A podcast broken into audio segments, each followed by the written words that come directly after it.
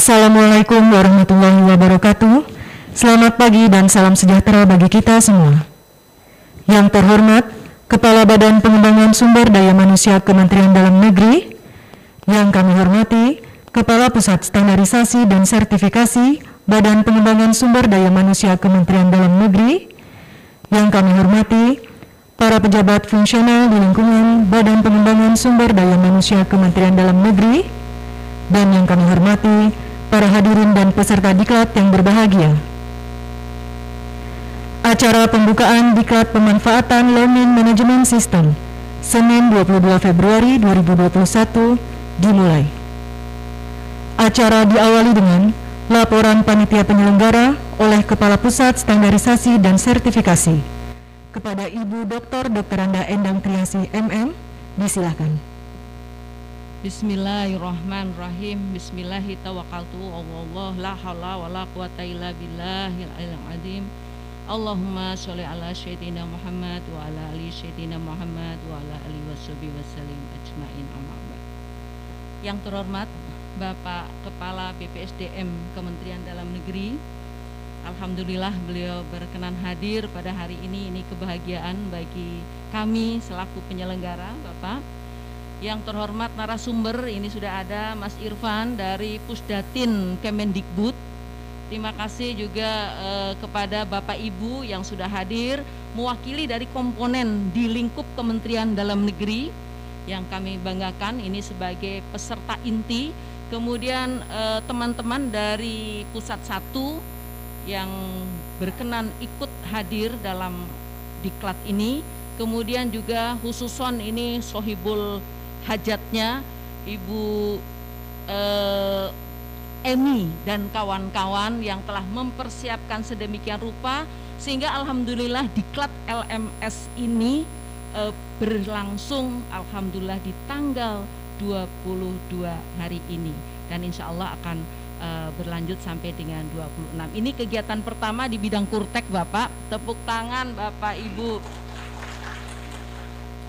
dan alhamdulillah di pusat satu kegiatan e, pertama kami masih dapat ranking dua di lingkup BPSDM. Terima kasih Bapak atas bimbingan Bapak. Kemudian seluruh hadirin yang kami hormati, Assalamualaikum warahmatullahi wabarakatuh. Salam sejahtera bagi kita semua, selamat pagi, Shalom, Om Swastiastu, Namo Buddhaya, dan salam kebajikan. Pertama-tama marilah kita panjatkan puji syukur kehadirat Allah Subhanahu wa taala Tuhan yang Maha Esa yang telah melimpahkan rahmat, inayah, hidayah kepada kita sekalian sehingga pada hari ini Bapak Ibu dan khususon juga Bapak Kepala Badan berkenan hadir pada Diklat Learning Management System pada hari ini. Semoga Allah senantiasa melindungi kita dan memberikan kemudahan dalam setiap urusan kita. Amin, amin ya robbal alamin. Izin Bapak Kaban mengawali acara pembukaan ini kami akan melaporkan beberapa hal sebagai berikut. A. Dasar penyelenggaraan yang pertama adalah Undang-Undang Nomor 5 Tahun 2014 tentang ASN. Kemudian yang kedua adalah Undang-Undang Nomor 23 Tahun 2014 tentang pemerintahan daerah sebagaimana telah diubah dengan Undang-Undang Nomor 9 Tahun 2016. Ini perubahan yang kedua dari Undang-Undang Pemerintahan Daerah. Kemudian yang ketiga, Permendagri Nomor 11 Tahun 2018 tentang sistem pengembangan sumber daya aparatur berbasis kompetensi di lingkungan Kementerian Dalam Negeri dan pemerintah daerah.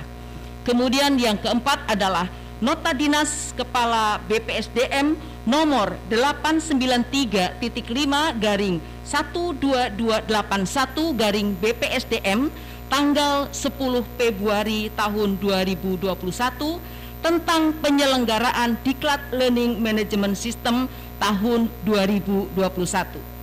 B. Tujuan Diklat. Diklat ini bertujuan untuk meningkatkan pengetahuan dan keterampilan ASN dalam penggunaan dan pengembangan pembelajaran online. Kemudian C, waktu dan tempat pelaksanaan. Diklat LMS ini dilaksanakan selama lima hari dimulai dari tanggal 22 sampai dengan 26 Februari 2021 bertempat di BPSDM Kementerian Dalam Negeri dengan menerapkan protokol kesehatan penuh. D. Peserta diklat Peserta berjumlah 30 orang adalah merupakan perwakilan dari seluruh komponen yang ada di Kementerian Dalam Negeri. E. Materi Materi untuk diklat pemanfaatan LMS ini adalah sebagai berikut. Yang pertama, penjelasan tentang pembelajaran jarak jauh. Kemudian yang kedua adalah desain pembelajaran dengan menggunakan model analisis, design, development, implementation, dan evaluation. Kemudian yang ketiga, teori perancangan pembelajaran. Keempat, prinsip desain pesan. Kelima, project based learning dan enam jenis-jenis konten digital. F. Narasumber atau pengajar. Narasumber berasal dari Kementerian Dalam Negeri dan Pusdatin Kemendikbud serta pakar atau praktisi yang ahli di bidang IT. Kemudian G. Biaya. Sumber pembiayaan diklat ini dari DIPA BPSDM Kementerian Dalam Negeri tahun anggaran 2021. Yang terhormat Bapak Kaban dan juga seluruh peserta yang kami banggakan, demikian beberapa hal yang dapat kami laporkan. Selanjutnya kami mohon berkenan Bapak Kaban untuk memberikan pengarahan kepada peserta sekaligus membuka secara resmi diklat LMS ini. Akhir kata, billahi taufik wal hidayah. Wassalamualaikum warahmatullahi wabarakatuh.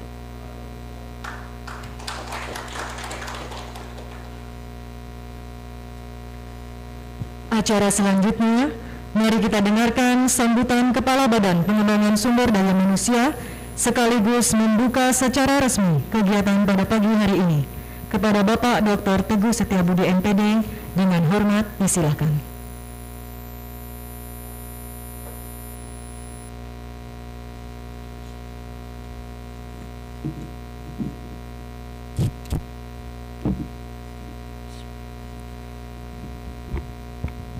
Bismillahirrahmanirrahim Assalamualaikum warahmatullahi wabarakatuh. Selamat pagi, salam sejahtera untuk kita semuanya. Om Swastiastu, Nam Budaya, salam kebajikan. Sehat, semangat, dan sukses untuk kita semuanya. Yang saya hormati Ibu Kapus, Ibu Doktor Daerah Hajah Endang Tiasi MSI Kepala Pusat Standarisasi dan Sertifikasi PPS Negeri. Tentunya beserta jajaran ada Ibu Emi untuk koordinator bidang kutek Jabat Personal Maria dan juga ada juga Mbak Dian, Mas Rudi, dengan panitia. Kabel khusus yang juga saya hormati rekan saya narasumber yang luar biasa Mas Stefano. Ini udah malang melintang dalam dunia digital media pembelajaran. Untuk kesekian kalinya baik secara virtual ataupun langsung tatap seperti ini beliau udah sering sekali bukan hanya di BPSDM tapi juga di berbagai kementerian lembaga. Dan utamanya kepada Anda semuanya Bapak Ibu Saudara Saudari yang juga saya banggakan, yang saya cintai, saya hormati para peserta pendidikan pelatihan pemanfaatan learning management system baik yang berasal dari komponen-komponen di luar PPS Negeri semua komponen maupun yang dari lingkup PPSDM Negeri. Hadirin undangan yang berbahagia. Bapak dan Ibu, saudara-saudara semuanya, sudah sewajarnya marilah kita sama-sama untuk tidak bosan-bosannya mempersembahkan syukur kehadirat Allah Subhanahu wa taala Tuhan kuasa. Alhamdulillah berkat rahmat dayanya di masa-masa yang sulit ini yang sungguh kita masih prihatin kita masih diberkahi dengan berbagai nikmat, utamanya nikmat sehat, sehingga kita bisa berkumpul di sini insya Allah dalam keadaan sehat dalam rangka pembukaan dan pembelajaran diklat untuk diklat LMS. Semoga sehatnya bukan kali ini aja, tapi seterusnya kita akan selalu sehat.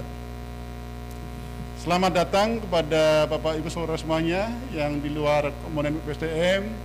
Saya sungguh berterima kasih setiap ada keluarga dari non BPSDM datang ke sini saya senang, artinya kita menyambung silaturahim dan mudah-mudahan Anda semuanya nanti juga akan menjadi keluarga besar BPSDM Kemendagri, bukan hanya untuk komponennya sendiri.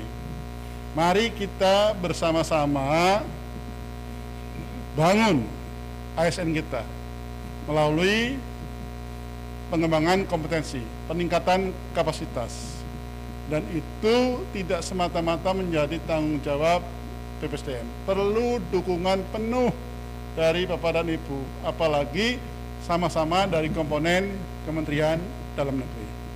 Apalagi Anda-Anda juga adalah dari sisi usia sungguh sangat potensial dan ini sungguh sangat senang di dalam diklat learning management ini rata-rata adalah mungkin kepala dua ataupun kepala tiganya masih sedikit lah gitu. gitu itu seperti itu mudah-mudahan uh, ini menjadi potensi yang akan terus digunakan Bukapus PMI terus jalin hubungan kerjasama koordinasi dengan teman-teman yang hadir di sini. Bukan hanya pada waktu diklat. Bapak Ibu saudara-saudara yang hormati kita sama-sama sudah maklumi setahun lebih nih dunia kita berbagai negara seluruh negara dihantam oleh pandemi COVID-19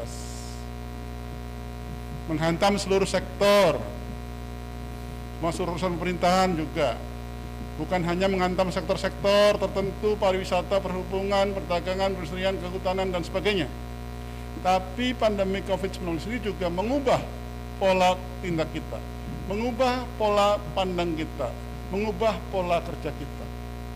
Termasuk juga adalah dalam hal pengembangan kompetensi dalam hal penyelenggaraan pendidikan dan pelatihan.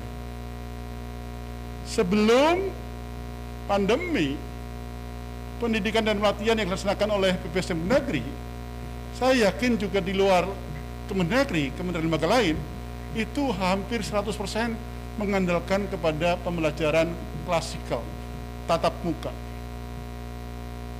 Tapi pada saat pandemi, ini menyadarkan semua pihak ada transformasi percepatan digital yang luar biasa.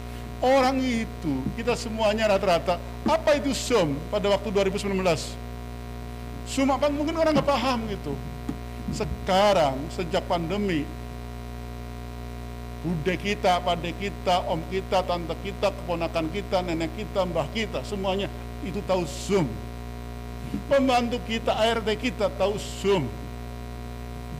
Luar biasa ini mengubah pola kerja kita. Dan kemudian pada waktu Maret sampai dengan bulan Agustus, hampir 90% kegiatan kita online. Malah mendekati 100%. Alhamdulillah pemerintah sudah melakukan penanganan yang luar biasa. Berbagai kebijakan sudah dikeluarkan, sekarang sudah mulai vaksinasi. Kemudian yang kedua gerakan juga. Walaupun sudah dilakukan kebijakan, yang perlu kita pahami adalah bahwa Misalnya, pandemi belum selesai. Pandemi belum selesai. Oleh karena itu, tolong kita semuanya, termasuk dalam kegiatan diklat ini, disiplin dalam hal penerapan protokol kesehatan COVID-19. Jangan sampai justru kegiatan-kegiatan seperti ini menimbulkan klaster-klaster baru dalam hal COVID-19. Oleh karena itu, penyelenggara, pengajar, kita semuanya harus terus disiplin. Gitu. Bapak Ibu hormati, tadi saya sudah mengatakan, hikmah berkah dari pandemi COVID-19 adalah antara lain terjadi percepatan dalam transformasi digital, termasuk dalam hal kegiatan diklat khususnya. Kami sudah melakukan pembenahan berbagai hal. E-learning sudah mulai kita laksanakan. Berbagai secara pres sudah kita lakukan Kita sudah ada beberapa studio untuk melakukan uh, pembelajaran kegiatan. Sarana-sarana untuk audiovisual kita juga relatif lengkap. Ini dilakukan. Lah, kalau kita bicara pembelajaran online digital, kita akan juga bicara masalah e-learning. Pembelajaran yang melalui elektronik. Ini kita lakukan. Namun demikian, pembelajaran e-learning itu atau e-learning itu tidak seketika langsung bisa jalan. Butuh beberapa katakanlah sarpras, butuh beberapa variabel-variabel lain. Antara lain yang sangat-sangat kita butuhkan adalah yang akan kita dikatakan ini, yakni terkait learning management system. Ada juga nanti knowledge management system, KMS-nya. Dan tentu saja itu. Artinya digital, internet dan sebagainya itu menjadi suatu kebutuhan yang sangat-sangat vital.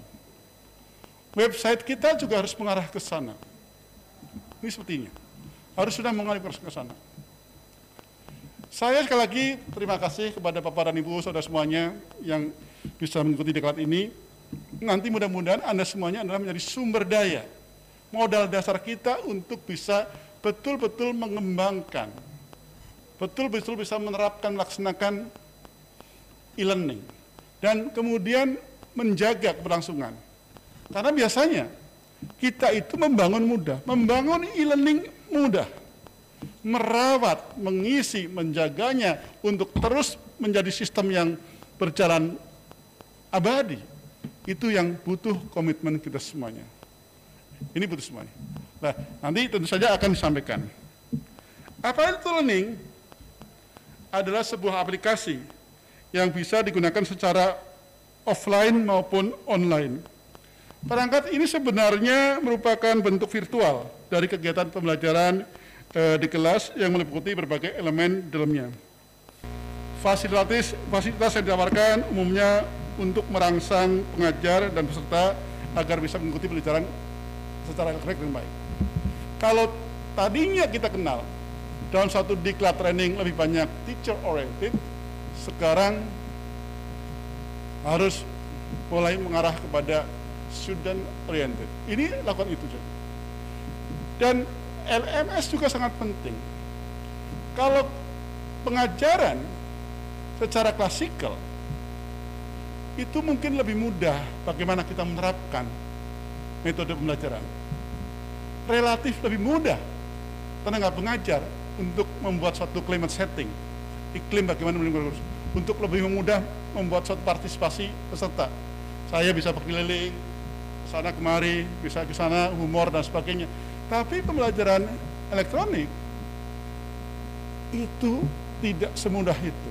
Oleh karena itulah bahwasanya apa yang untuk merangsang pembelajaran partisipasi peserta itu juga harus diterapkan di dalam LMS. Materi-materi pembelajarannya seperti apa? Polanya seperti apa. Ini yang harus kita lakukan uh, dengan sebaik-baiknya. Dan perlu kreativitas. Saya yakin-yakinnya pada Nipu, kepada Nipu ibaratnya sudah punya potensi terkait pasal tersebut. Kalau kita main komputer, main media digital, itu tidak semata-mata karena masalah kita diperintah. Tapi kalau kita sudah masuk ke dunia itu, artinya ada improvisasi kita ada kreativitas kita, ada seni kita untuk bisa masuk ke situ. Ini sangat-sangat penting di dalam suatu pembentukan LMS. Jadi LMS merupakan sistem untuk mengelola catatan pelatihan dan pendidikan. Perangkat lunaknya untuk mendistribusikan program melalui internet dengan fitur untuk kolaborasi secara online misalnya. LMS juga digunakan oleh institusi pendidikan untuk meningkatkan dan dukung program pengajaran di kelas dan menawarkan kursus untuk populasi yang jauh-jauh lebih besar dibandingkan dengan klasikal. Ini keuntungan antara lain ilmu. Jadi, Bapak dan Ibu, sekali lagi nanti mungkin buka pus dan Pak Sikawono ya, Pak Emi, Pak Dian, gimana caranya? Kami di sini juga sudah ada LMS-nya, tapi masih sedang dalam tahap untuk lebih besar lagi nanti juga ada knowledge systemnya bagaimana sekarang modul-modul pembelajaran materi-materi pembelajaran kita sudah mengurangi yang artinya hard copy. Sudah ke aspek digital. Kepada para peserta berbagai diklat sekarang sudah sampaikan bahwa kita ada efisiensi terkait masalah materi pembelajaran tidak lagi dalam bentuk fotokopi dan sebagainya tapi kami siapkan di dalam KMS ataupun nanti di dalam LMS yang nanti para peserta bisa langsung mendownload dan kemudian masukkan ke laptop masing-masing atau hard disk masing-masing atau USB masing-masing.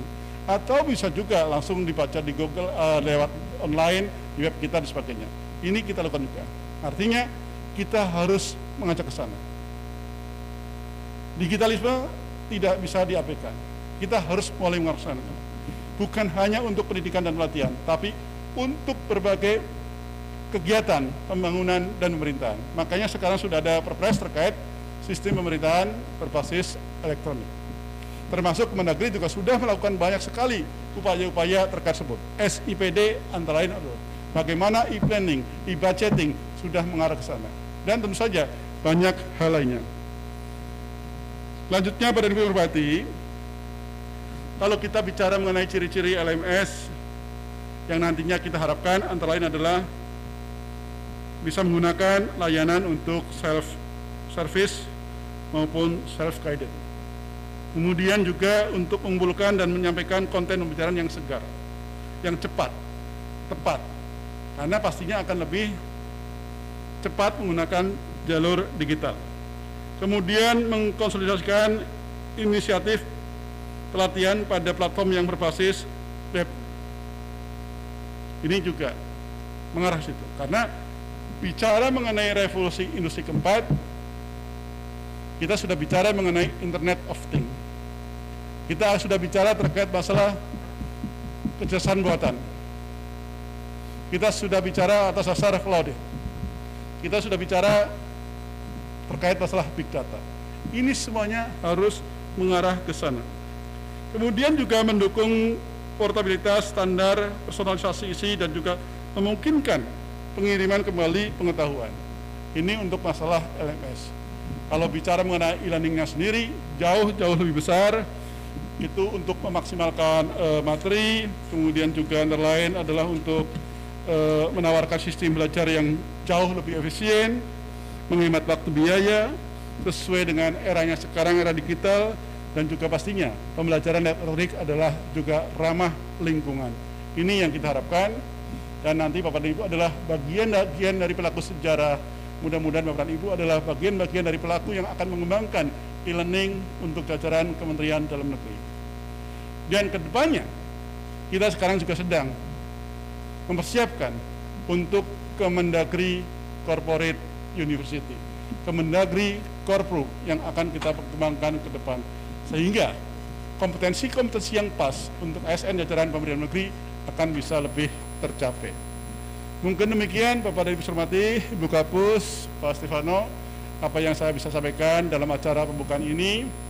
Saya lagi apresiasi kegiatan ini sangat tepat, sangat tepat untuk era sekarang ini dan mari kita wujudkan apa yang memang betul-betul ini menjadi tuntutan zaman. Mudah-mudahan semuanya berjalan lancar, tapi jangan lupa terapkan disiplin protokol kesehatan. Itu juga juga yang harus sangat partisipasi Bapak dan Ibu sangat diperlukan. Ini ke, e, pembelajaran tidak tidak tidak e, e, one way communication hanya satu arah saja. Ini pembelajaran tidak bicara as, hanya atas dasar kognitifnya saja, konsepsinya, teorinya, tapi LMS ataupun kegiatan-kegiatan yang sifatnya komputerized adalah juga pembelajaran yang sifatnya psikomotor yang kita kerja, kita praktek, praktikal, itu sangat-sangat penting. Dan optimalkan bakat seni kita di dalam kegiatan ini juga. Demikian, saya berharap bisa berjalan lancar sampai nanti ya terselesai dan kita harapkan kontribusi Bapak dan Ibu untuk seterusnya kepada pengembangan SDM di lingkungan Kemendagri dan pemerintahan daerah. Bapak dan Ibu sudah menjadi keluarga besar PTM Mendagri. Demikian akhirnya dengan memohon ridho kepada Allah SWT Tuhan Kuasa dengan mengucapkan Bismillahirrahmanirrahim maka diklat pemanfaatan Learning Management System pada hari ini Senin 22 Februari 2021 secara resmi saya nyatakan dibuka.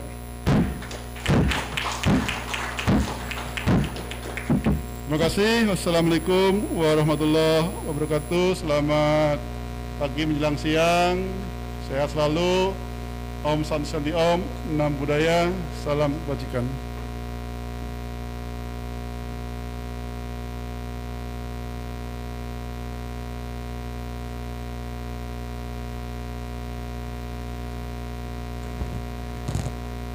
Pengalungan tanda peserta diklat secara simbolis yang akan disaksikan oleh Bapak Kepala Badan dan Ibu Kepala Pusat. Kepada dua orang perwakilan, silakan menempatkan diri.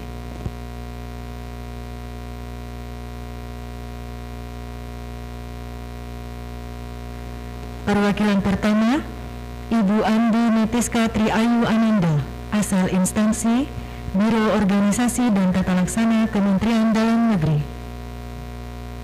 Perwakilan kedua, Bapak Bagas Aziz Pangestu, asal instansi Direktorat Jenderal Keuangan Daerah Kementerian Dalam Negeri. Kami mohon perwakilan untuk balik kanan, kami akan diabadikan sejenak.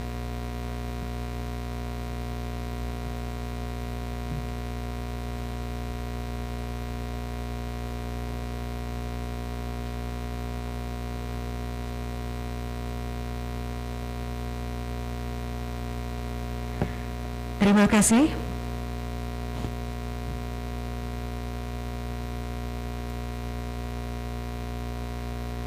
Pengalungan diikuti oleh seluruh peserta. Untuk lebih hikmatnya acara kita pada pagi hari ini, marilah kita memanjatkan doa yang akan dipimpin oleh Bapak Fadil.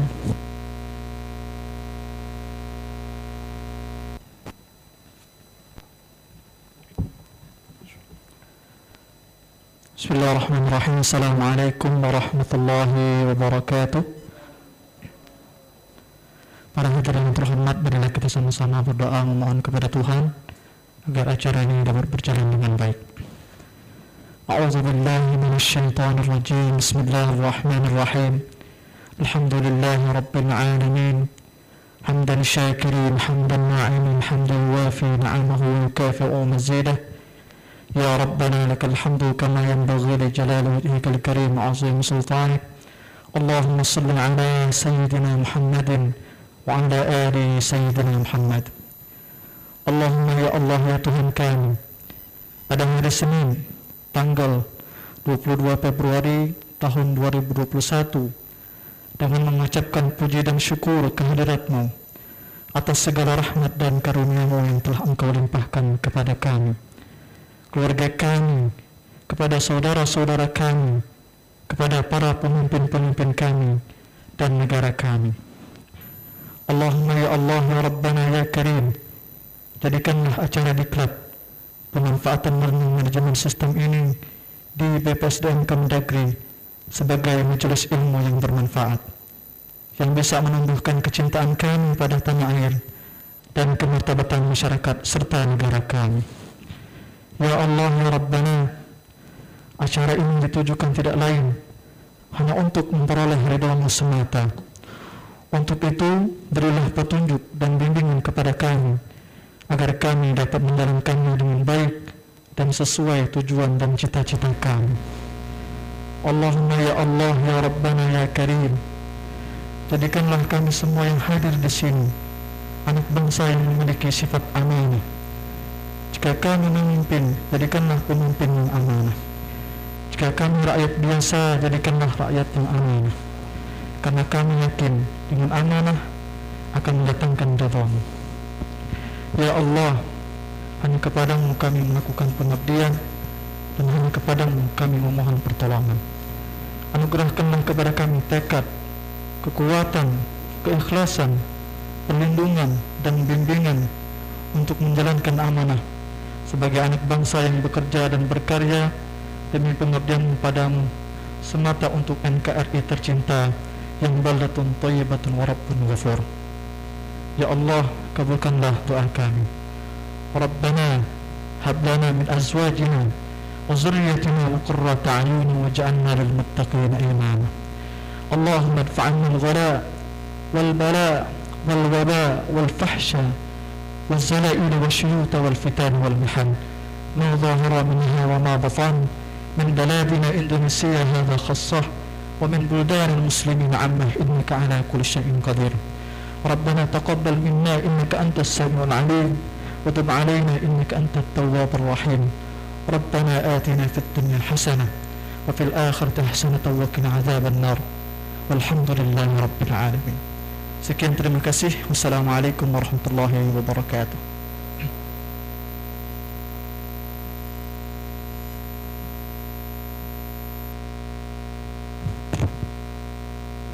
Bapak Ibu yang kami hormati, demikianlah acara pembukaan Diklat Pemanfaatan Learning Management System tahun 2021 selesai. Terima kasih atas segala perhatian. Wassalamualaikum warahmatullahi wabarakatuh dan selamat pagi. Tekom, ya universitas terbuka. Bahkan ada pernyataan dari dirjennya gitu ya, satu-satunya kampus yang nggak kena dampak pandemi, kampus UT. Karena mahasiswa nggak pernah datang, kalau datang juga itu berkorespondensi gitu ya, mengurus administrasi segala macam.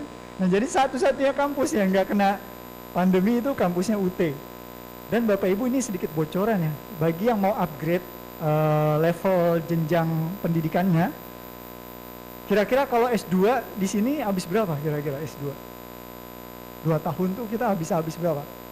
Di atas 100, di atas 200? 100 nyampe ya? 100 nyampe kan? Hmm. Itu kampus skupnya skup Indonesia ya, skup lokal ya. Kalau skup luar kira-kira berapa? Coba buka University of the People. University of the People 20 juta sampai lulus. Eh 20 juta. Sorry, 50 juta. 50 juta sampai lulus. Yang mau nyari S2 ya. Yang mau nyari S2-nya tapi online. Online-nya tapi yang ngajar dari MIT. Semua kampus-kampusnya keren banget. Kemarin udah mau sampai propose gitu ya. Ah mikir-mikir lagi. Oke lah. Nah, jadi itu sekarang Bapak Ibu pelayanan, jadi jangan terkaget-kaget Pak Teguh tadi udah ngomong kakek, nenek, eyang, kakung semua bisa pakai Zoom. Bahkan orang-orang lebaran silaturahmi saya operator Zoom. Jadi ini sesi dari keluarga sini masuk.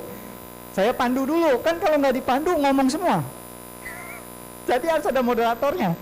Tunggu dulu, dari yang paling tua ngomong dulu, Wah, dipandu dulu semuanya selesai keluarga satu datang lagi gerombongan lagi. Jadi jadi operator zoom itu. Selama silaturahmi termasuk dengan pandemi satu-satunya kesempatan saya bisa satu panggung sama Agim. Kalau nggak pandemi nggak bisa satu panggung. Jadi uh, Agim kan virtual. Nah saya sempat jadi uh, moderator operatornya juga.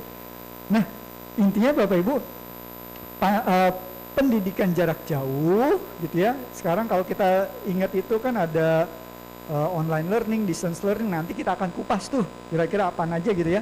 Nah ini sudah merupakan hal-hal yang memang saya lakukan se ini. Mungkin ini lampunya dimatiin mas yang sebelah sini, mbak. Yang depan-depan ini nih. Biasa kalau ditepok doang mati dulu teknologinya ya. nah kan ditepok mati. Nah, Bapak Ibu, teman-teman, uh, feel free nanti kalau mau tanya-tanya ya. Geser nggak? Hmm, ini dia. Ini saya dapatnya kemarin pas pandemi, program Microsoft Innovative Expert. Ya, saya dapat pas pandemi. Jadi teman-teman, begitu pandemi, pas awal-awal nih ya, pas awal-awal bulan Maret gitu ya, Gubernur DKI bilang Jakarta diisolasi gitu kan, uh, di lockdown. Saya udah feeling, waduh, ini Jakarta di lockdown pasti bakal ada telepon ke kantor menanyakan gimana layanan pembelajaran buat anak-anak. Itu feeling saya awal tuh. Jadi begitu hari Sabtu diumumkan kalau nggak salah ya, hari Minggu kepala pusat saya hmm, apa langsung koordinasi Ah, enggak, Pak. Itu yang saya ingat sampai sekarang. Negara membutuhkan layanan kita. Datang semua. tim intinya datang ya jadi benar saya udah feeling wah ini bakalan gak berhenti nih uh, buat kami kami yang sudah hadir di dunia daring kami sudah paham dunia daring gitu nah sedangkan yang lain masih bingung bener jadi uh, ibu sekretaris uh, ibu ibu Hartati gitu ya mantan dari Kemdikbud juga bilang pokoknya pembelajaran di DKI kami serahkan ke teman-teman di Kemdikbud. Oh sudah, akhirnya kita langsung mulai bikin learning management sistemnya. Kita yang tadinya nih, saya bukan kepala sekolah, saya bukan wakil kurikulum, saya juga bukan pengawas. Semua kita sabet. Hari itu juga kita nyusun program, jadi wakil kepala sekolah bidang kurikulum besok belajar apa anak-anak ya? Iya, disusun lagi. Tanya guru, besok ini yang buat SD, SMP, SMA, sampai terakhir ada yang protes. Kita udah gelar dua minggu, ada yang protes. Yang protes siapa? Yang berkebutuhan khusus. Kita gimana Pak kita? Kita nggak dilayani. iya loh, bingung lagi kita. Bikin lagi programnya menggunakan pembelajaran daring. Jadi seru banget itu bulan Maret itu luar biasa tuh. Nggak berhenti berhentinya bulan Maret semuanya kita rangkap. Yang awalnya nih kita melakukan kesalahan besar gitu ya. Awalnya zoom dari jam mulai dari jam 8 pagi atau 7.30 untuk menyiasati yang udah siang sampai jam 4 kebayang tuh ya ngototin terus itu sampai jam 4 lama-lama kita mikir ini yang ngajar capek yang belajar juga capek apalagi operatornya udah bete banget semuanya nih ya mulai kita coba cari sebenarnya gimana sih esensinya. Nah kita itu waktu itu lupa gitu ya. Kita esensi pembelajaran daring itu sebenarnya jangan diidentifikkan dengan Zoomia dengan Meet dengan Teams gitu ya. Nah, nanti kita akan breakdown tuh kenapa itu uh, sangat agak fatal. Tapi nanti di konteks kita kalau di klat ini memang kita kiblatnya ke LAN ya. LAN punya aturan sendiri. Nanti kita coba sesuaikan. Yang benernya sih harusnya nggak seperti itu ya. Nah sama ya ini oh, pokoknya sertifikasi ini teman-teman nih. Saya kasih tahu ya yang muda-muda ya. Kan ya kadang ada yang lotnya malah tinggi kadang ada lotnya malah rendah. Tapi kalau saya bilang ya kan banyak yang WFH WFH juga kadang kan ya. Apalagi kalau di pusdatin itu setahun kemarin berapa kali lockdown ya. Alhamdulillah kemarin saya PCR PCR itu udah negatif ya Bapak Ibu ya. Alhamdulillah.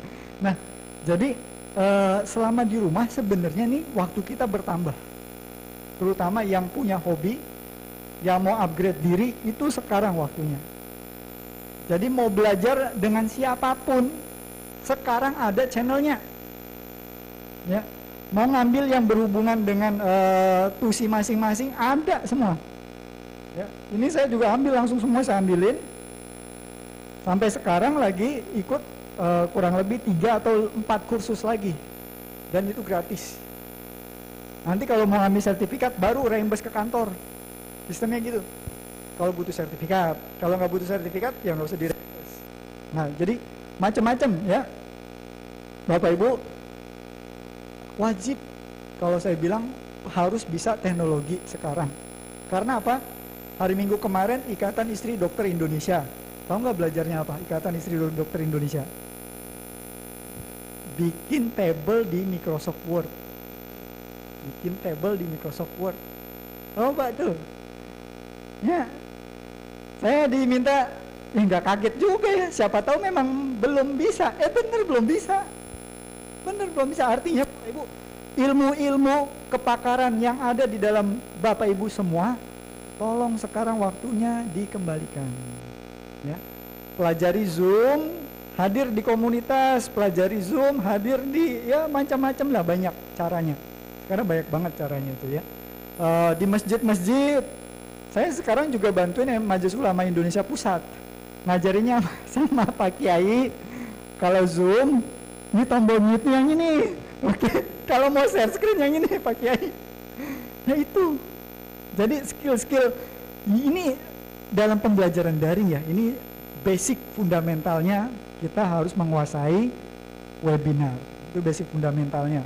Nah uh, sekilas-sekilas banyak banget Bapak Ibu sudah ke mana-mana uh, terakhir ya ini tapi di luar ini semua Bapak Ibu ya di luar ini semua akhirnya saya itu setiap weekend ya bikin pelatihan gratis ada yang berbayar. Ya kalau mau diajarin intensif bayar dia. Jadi tiga jam bayar 100 ribu. Satu orang. Rata-rata berapa? 50 orang. Kebayang?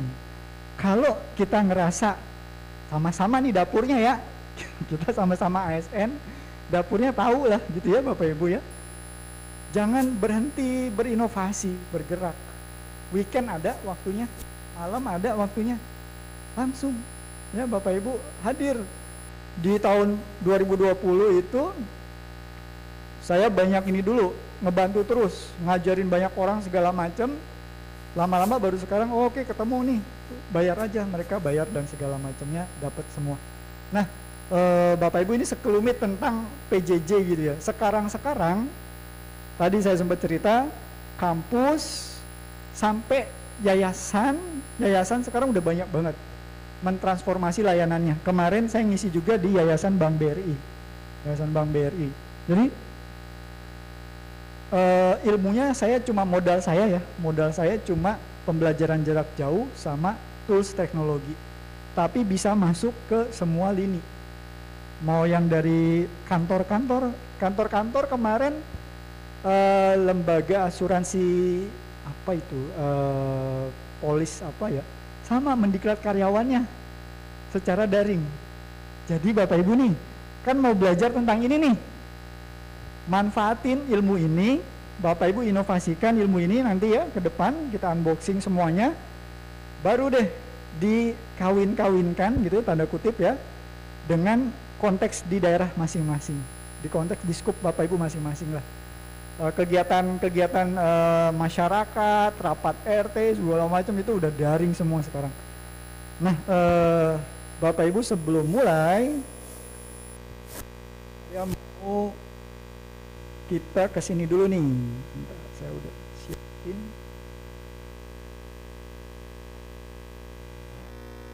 Bapak Ibu sambil buka laptop, ada bawa laptopnya? Atau mau beli dulu situ depan?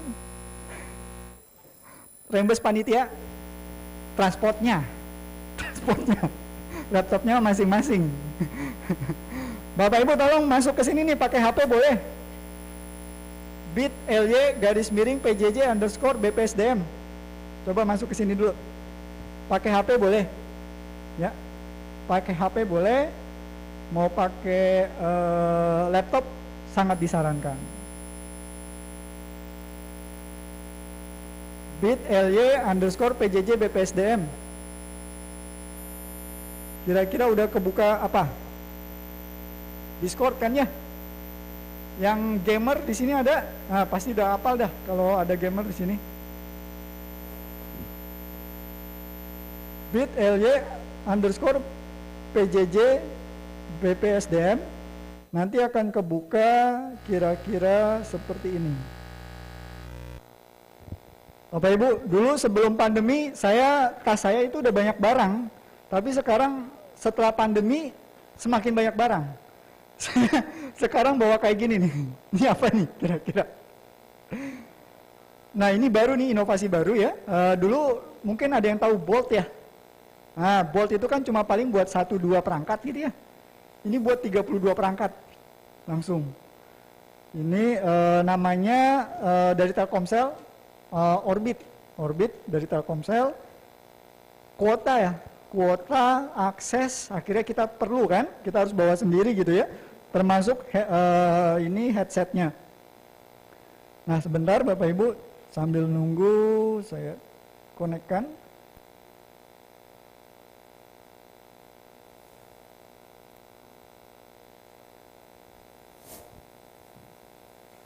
Udah kebuka, di situ ada forum diskusi, benar nggak?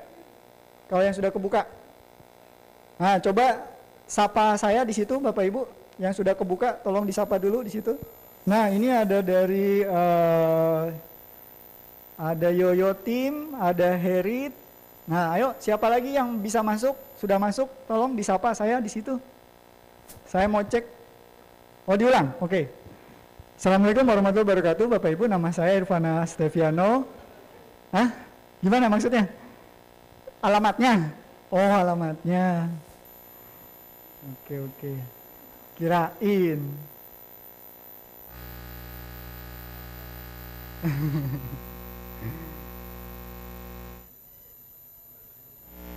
nah ini alamatnya bit titik ly garis miring pjj underscore uh, bpsdm itu nggak perlu daftar perasaan. Username bebas kok. Langsung gabung. Bit titik ly underscore PJJ BPSM Bapak Ibu, nggak apa-apa sambil nunggu, coba perhatikan lagi ke paparannya. Mohon maaf ya, biasa ini problem teknis. Biasanya kalau webinar uh, permasalahannya hanya di koneksi. Begitu pelatihan offline, sekarang kita kembali lagi ke bermain kabel. Jadi kabel-kabel harus kita ini. Coba ada yang tahu nggak nomor satu cara supaya umurnya panjang?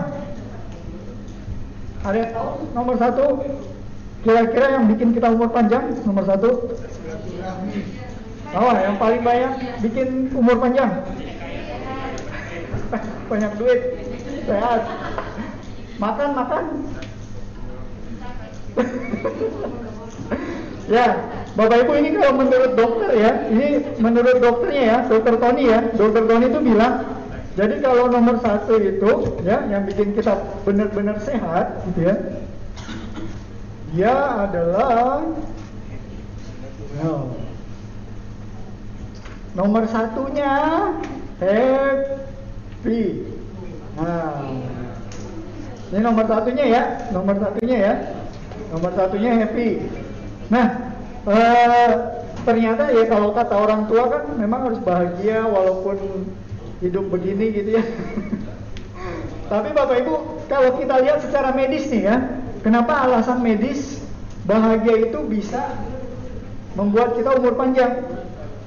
Nih, jadi Profesor Dr. Hawkins ini dia meneliti ya, semua orang yang sakit itu dia tanya, bukan keluhannya apa gitu-gitu ya enggak. Tapi Profesor malah lebih komprehensif, lebih substansif gitu ya. Uh, Sebenarnya kamu apakah puas dengan diri sendiri atau tidak puas dengan orang lain? Ada nggak rasa-rasa kecewa gitu ya? Nah, hampir semua pasien yang dia tanyain ini Bapak Ibu ya, itu menyatakan dia punya rasa kecewa. Jadi dalam ada yang terluka. Nah, jadi ada yang terluka. Nah, setelah uh, tahu bahwa oh sebenarnya banyak banget nih yang sakit-sakit rata-rata punya rasa kecewa. Nah, hubungannya kecewa sama sakit itu apa? Padahal kan kalau kecewa itu kan di perasaan ya. Rasa sebel sama orang, segala macam itu kan di perasaan.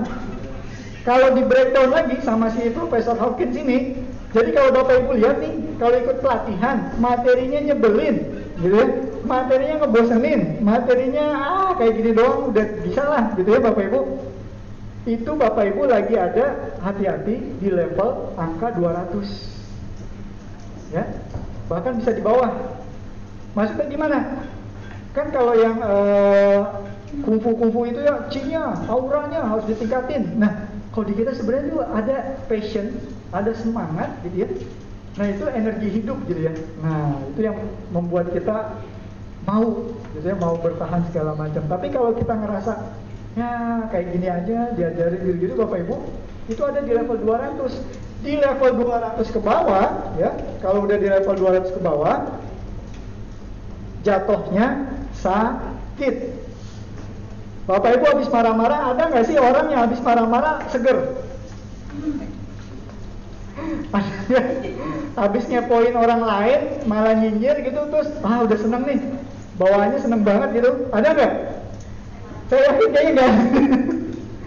Jadi Bapak Ibu ketika marah, nih marahnya apalagi meluap-luap, kalau Bapak ya marah meluap-luap, energi di otak, otak itu cuma bisa menampung kira-kira ya kalau maksimal 70-80% proses. Begitu kita marah-marah, lihat ini normalnya aja kita udah di atas 50-an, normal kita nih lagi kayak gini. Begitu kita marah itu ngebludak semua energinya di otak, itu yang timbul stroke dan segala macamnya. Jadi kalau Bapak Ibu lagi ngerasa ada di level rendah nih 200 ke bawah gitu ya. Ini di level rendah 200 ke bawah bahaya. Karena kalau di 200 ke bawah itu bawahnya udah insya Allah sakit gitu ya, sakit. Nah jadi hati-hati gitu ya, hati-hati untuk bapak ibu yang ngerasa lagi kurang ah kurang mood segala macam gitu ya. Karena bapak ibu oleh sebab itu nih, saya pengen bapak ibu coba teriakan semangat. Lagi kurang, semangat. Kurang yang benar. Ini buat bapak ibu nih, bukan buat saya. Semangat. Nah, jadi begitu kita ngomong kayak gitu Bapak Ibu, itu ngepush energi, ya ngepush energi supaya naik. Ngepush energi supaya naik dia dari level 200 naik ke atas. Ya, kalau semangat itu ya ini udah ada di atas atas nih, ya semangat berani lah gitu ibaratnya. Itu udah di level atas. Kalau kita masih di level bawah nih ya Bapak Ibu, kalau lagi marah segala macam, jadi berdoanya, ya Allah jangan sampai aku marah. Kalau doanya jangan sampai aku marah itu agak salah. Ya. Karena amarah itu nggak bisa dihilangkan, tapi kita mintanya di upgrade kayak komputer, laptop jelek gitu ya. Kalau itu kita upgrade. Ya Allah di upgrade dong gitu ya dari energi yang negatif-negatif dari energi yang 200 di, upgrade ke yang atas. Karena energi yang paling atas itu energi yang positif zona ikhlas. Jadi jangan minta ya Allah jangan sampai aku marah. Ya Allah bikin aku ikhlas gitu ya. Ikhlas karena dia akan naik. Nah, kalau udah naik Bapak Ibu ya, kalau sudah naik Bapak Ibu, ini kita sudah di level-level yang udah ah, mangan orang mangan, sing penting kumpul gitu ya kalau orang dulu ya. Nah, kalau sudah di sini Bapak Ibu tadi kan saya minta Bapak Ibu teriak semangat tuh. Ya, Bapak Ibu yang merasa nih, kayaknya sehari-hari kita pandemi ini begini-begini aja nih. Udah bulan Februari gitu ya, mungkin ada yang udah turun, ada yang belum turun gitu ya. nah, Bapak Ibu di otak ya, tadi saya bilang semangat. Otak itu inti proses. Begitu perasaannya bilang semangat, otak itu memerintahkan ke seluruh tubuh kita nih, ke seluruh tubuhnya. Melalui saluran-saluran darah. Sel-sel saraf dibawa Tolong dong orang ini bilang dia semangat. Walaupun Bapak Ibu tadi cuma ngomong semangat, gitu ya. Tapi otak pikiran itu udah mulai memprogram. Ya, tolong bikin semangat. Dia bikin semangat. Nah, otak itu memprogram, diprogram semuanya. Itu kayak prosesor semuanya diprogram. Sehingga insya Allah Bapak Ibu dia akan merespon semua anggota badan merespon. Coba deh Bapak Ibu lagi di udah hujan gerimis terus Bapak Ibu yang aduh banget nih begini. Jadi seger apa tambah males? tambah males karena direspon sama tubuh semua direspon ya mau kayak gimana pun dia akan merespon gitu ya dia akan direspon nah oleh karena itu bapak ibu hati-hati ya hati-hati. Kita harus melaksanakan. Namanya kalau sudah iya kalau sudah ngerasa aduh udah terlanjur negatif. Ini alhamdulillahnya kalau di dalam Islam ada reset button. Kalau di Islam ada reset tombol resetnya. Kalau di komputer kan di restart tuh ya, kontrol alt Kalau udah terprogram yang negatif, di Islam langsung disuruh istighfar. Kenapa istighfar? Nah ini reset buttonnya nih pentingnya. Jadi kalau udah cenderung memulai hari dengan gak enak, langsung istighfar. Karena dengan istighfarnya, kalau istighfarnya menggunakan teknik yang benar, bukan astagfirullahaladzim, astagfirullahaladzim, astagfirullahaladzim kayak gitu Bapak Ibu, tapi lebih ke tarik nafas astagfirullahaladzim ya jadi lebih mendalam menyelami gitu ya itu karbon oksidanya keluar semua jadi karbon-karbon negatifnya keluar semua Bapak Ibu ya nah kalau ngerasa tadi udah bernegatif ria hati-hati seharian seharian komponen negatif yang di sekeliling kita itu akan beresonansi, saling mendekat. Udah pagi-pagi nggak sarapan, di jalanan macet, di kantor diomelin juga. Nah, nggak ada yang kebetulan kalau di Islam. Semuanya saling mendukung, ya, semuanya saling mendukung. Jadi apa yang kita rasakan, gitu ya, masuk ke pikiran, di dalam tubuh kena, perilaku kita juga nggak enak. Bapak Ibu punya nggak teman saya kalau sama dia bawahnya mau ngasih nafkah aja, mau jajanin, mau ngasih traktir segala macam, ada nggak teman yang kayak gitu? Atau terbalik, kalau bawa ketemu dia bawahnya udah mau marah gitu ya. Nah, itu Bapak Ibu ya kalau kita cek-cek lagi gitu ya Bapak Ibu ya, ternyata memang semuanya itu kita terjawab dengan alat ini, alat fotografi aura. Ini Semyon Kirlian ya, Semyon Kirlian ini menjawab ya. Dia bilang semua benda anggota badan kita itu kalau kita foto punya energinya. Ya, semua benda kalau badan kita dipoto pasti ada energinya. Nah, termasuk makhluk hidup yang lain. Makhluk hidup yang lain, tumbuh-tumbuhan yang hidup ya. Nah, kalau ini artifisial nih, tapi artifisial ternyata juga menyimpan energi. Ya, artifisial juga menyimpan. Laptop itu sering disayang-sayang, dia akan segera ini ya, walau bisa gitu ya. Pokoknya disayang-sayang dia akan nurutin bapak ibu ya. Semoga nggak error, semoga nggak error gitu. Ya. nah, Bapak Ibu ternyata ya energi kita juga berbeda-beda, mau yang positif mau yang negatif. Ya, tadi ada doa, doanya mantap banget tuh. Ke mana tuh yang baca doa ya? Doanya mantap. Kalau doanya mengadakan tangan, Bapak Ibu ya, di foto pakai Simeon Kirian fotonya energinya segitiga ke atas, nembus ke atas. Jadi kalau foto begini ke bawah kalau berdoa. Tapi kalau dia berdoa begini, dia ke atas. Siapa tahu kalau misalnya tembus ke langit, ya energinya. Nah, Bapak Ibu setiap orang punya energi, makanya tadi kalau dia itu orang orang negatif, ketemu Bapak Ibu yang orang baik, itu udah pasti bawahnya nggak nyambung.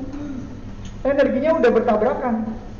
Tapi kalau sama-sama positif, energinya ngumpul saling menguatkan. Nah, oleh karena itu Bapak Ibu, ya cara meningkatkan energi tadi kalau untuk merubah dari negatif kan diistighfarkan. Terus bagaimana cara kita supaya meningkatkan energi? Karena kalau energinya nih Bapak Ibu ya, hari ini ya, hari ini Bapak Ibu mau ibaratnya terlepas dari COVID ya dilindungi dari COVID, mau nggak? Amin. Amin ya. Jadi hari ini harus sedekah karena dengan sedekah, sedekah nggak mesti uang ya. Sedekah waktu, sedekah ilmu, segala macam harus pakai sedekah. Ini di foto, di foto kalau bapak ibu lagi keren banget gitu ya, positif banget, bersedekah, di foto itu sampai 8 meter gelombangnya. Kita dikelilingi oleh bubble. Nah virus-virus yang negatif itu hilang, insya Allah nggak kena. Termasuk bapak ibu jadi semangat, belajar dan segala macam. Nah, saya minta Bapak Ibu semangat lagi. Semangat. Semangat lagi. ini mumpul alhamdulillah loh ya. Uh, insya Allah ini orang-orang di sini datang ini udah memang gak bisa kebetulan. Kodarullah memang sudah direncanakan. Energi itu berkesinambungan kalau nggak yakin teorinya Yohanes Surya apa Bapak Ibu? Semesta mendukung. Setiap manusia memiliki energi dan dia akan saling tarik menarik. Bapak Ibu ketemu suami, ketemu istrinya, cocok, yaitu energinya nyambung. Ya, kalau tiba-tiba nggak nyambung ya berarti ada disrupsinya, ada disrupsinya. Jadi ada law of attraction setiap orang. Nyambung aja e, dengan materi, nyambung dengan orangnya, itu ada hubungannya semuanya. Nah, oleh karena itu Bapak Ibu saya ingin Bapak Ibu sampai diklat ini berakhir, mudah-mudahan Bapak Ibu tetap semangat. Bukan untuk ibaratnya uh, apa? supaya materinya masuk sih iya, tapi lebih ke kita menjaga kesehatan. Ya, satu-satunya yang bisa menolong kita sekarang kan belum pada dapat vaksin, masker iya. Nah, coba jaga imunitas dengan semangat, ya. Semangat aja, pokoknya semangat kita belajar. Oke ini sekilas materi ini materinya Dokter Aisyah Dahlan Bapak Ibu ya. Sekarang, nah makanya tuh ya, saya udah pernah dialog sama Dokter Aisyah Dahlan, wih keren banget itu. Jadi Bapak Ibu sekarang mau hobi belajar sama siapa, kepoin langsung begitu dia live, kita interaksi langsung, tanya langsung segala macam. Keren. Jadi jangan lagi kita menjadi hidup ini kalau sekarang kan makin berasa ya. Bapak Ibu cek WhatsApp WhatsApp grup. Setiap hari ada berita duka nggak? Ada setiap hari. Jadi udah sekarang mau punya keinginan apa pun, Kemarin saya udah lama cita-cita mau dagang di Tokopedia. Baru kemarin kesampaian jual laptop laku lagi tiga hari. Tuh, saya jual ke toko biasa ditawar 8 juta. Saya buka di Tokopedia dapat 11 juta. Luar biasa tuh Bapak Ibu. Jadi udah kayak Bob Sadino. Kalau mau dagang yang lain masih mikir cara berdagang. Bob Sadino ngapain? Langsung ke jalan. Ya. Nah sama Bapak Ibu juga nih. Mau belajar tentang e-learning LMS udah langsung terjun. Ya, langsung terjun. Belajar sekali ini kupas kupasin kupasin semua bapak ibu bisa coba mama nih tolong mohon maaf nih sekarang masih sedikit pemainnya kursus baking kursus masak jadi istri saya langsung kursus berapa kali tuh uh, ada yang 200 ribu jadi di, dicoba-coba dari yang 50 ribu dulu oh gini caranya kalau 50 ribu naik lagi 100 150 200 500 ya sampai kursus kayak gitu Nah, uh, Bapak Ibu itu banyak banget kursus baking peminatnya ya. Banyak banget. Dan begitu kelar, udah ketemu resepnya, gak usah pakai ragu-ragu, langsung aja dagang. Online, buka PO. Kita kalau weekend buka PO bisa 50 sampai uh, 100 loyang. Ini cuma buat iseng ya, ibaratnya kita belum niat dagang full gitu ya, nggak setiap hari buka tapi open PO doang. Sama pelatihan saya juga sama. Jadi pandemi itu udah mendorong kami saya dan istri berubah. Ya udah kita langsung terjun. Karena kalau ngarepin coba setahun kemarin pelatihan dan tatap muka nggak ada. Saya ibaratnya salah satu sumber pendapatan dari pelatihan seperti ini hilang semua. Terus mau menyalahkan keadaan nggak mungkin juga.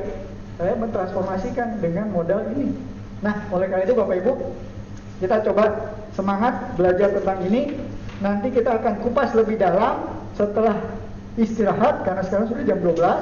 Saya ingin Bapak Ibu semangat dulu deh pokoknya hari ini. Buat Bapak Ibu, buat keluarga di rumah, sekali lagi semangat. Semangat. Nah. Bentar, bentar, bentar, bentar. Saya ini.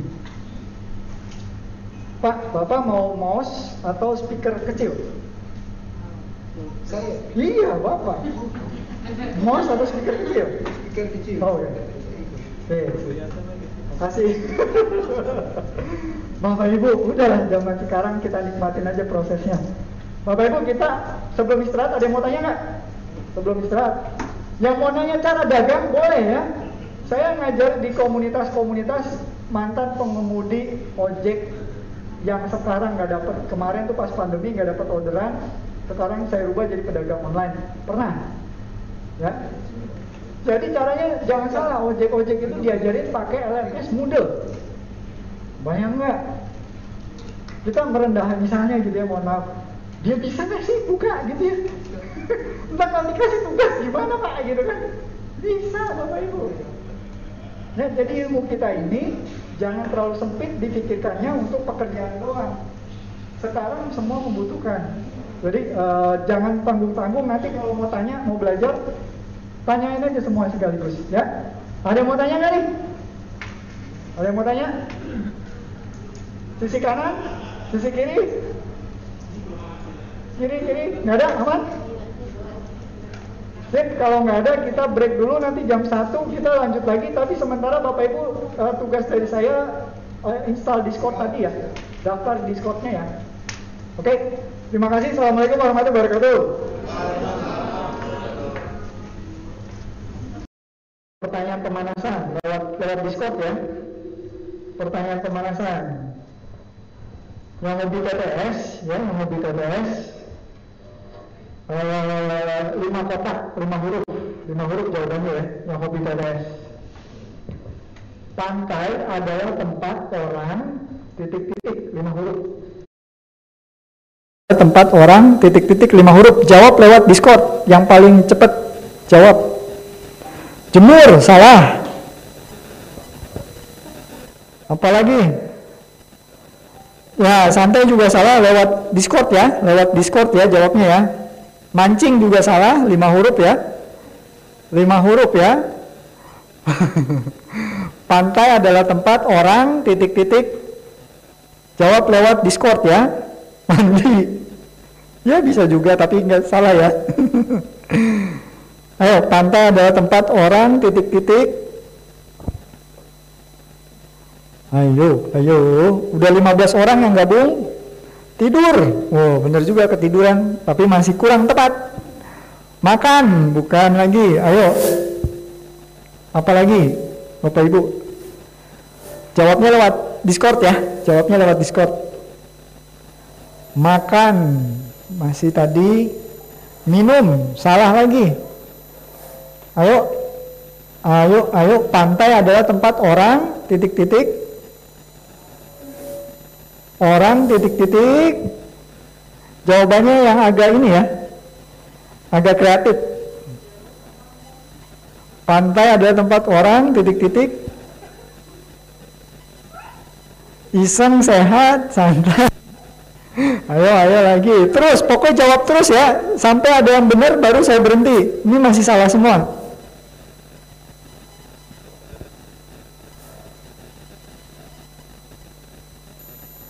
Ayo, ayo.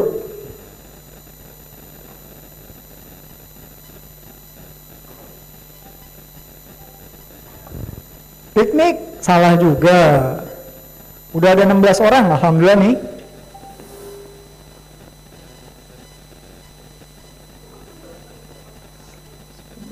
Paling kurang dua tiga lagi yang belum masuk libur.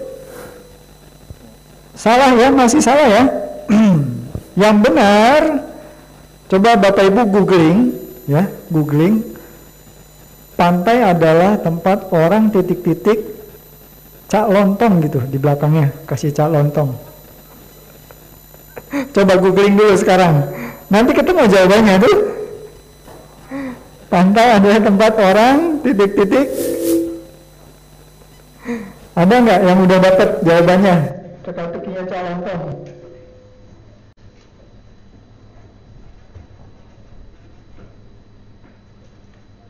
Ada yang udah dapat? Ketemu? Ayo. Yeay, ramai. Kenapa ramai? Ya kan pantai ada orang ramai gitu. Itu calon ya. Ini pemanasan Bapak Ibu ya. Ini baru satu pertanyaan. Sekarang pertanyaan yang berhadiahnya. Pertanyaan berhadiah ya. Sekarang pertanyaan berhadiah. Boleh bebas pilih modelnya. Ada stiker Bluetooth. Ada wireless keep mouse. Wireless mouse. Oke? Siap ya? Jawabnya cepet-cepetan. Jawabnya cepet-cepetan lewat aplikasi. Ini pantun. Mudah banget nih. Andai pu- tuan puan bijaksana, sukatkan padi digantang. Andai tuan puan bijaksana, binatang apa? Ekornya di mulut binatang apa? Ayo, jawab. Cepat jawabnya di chat.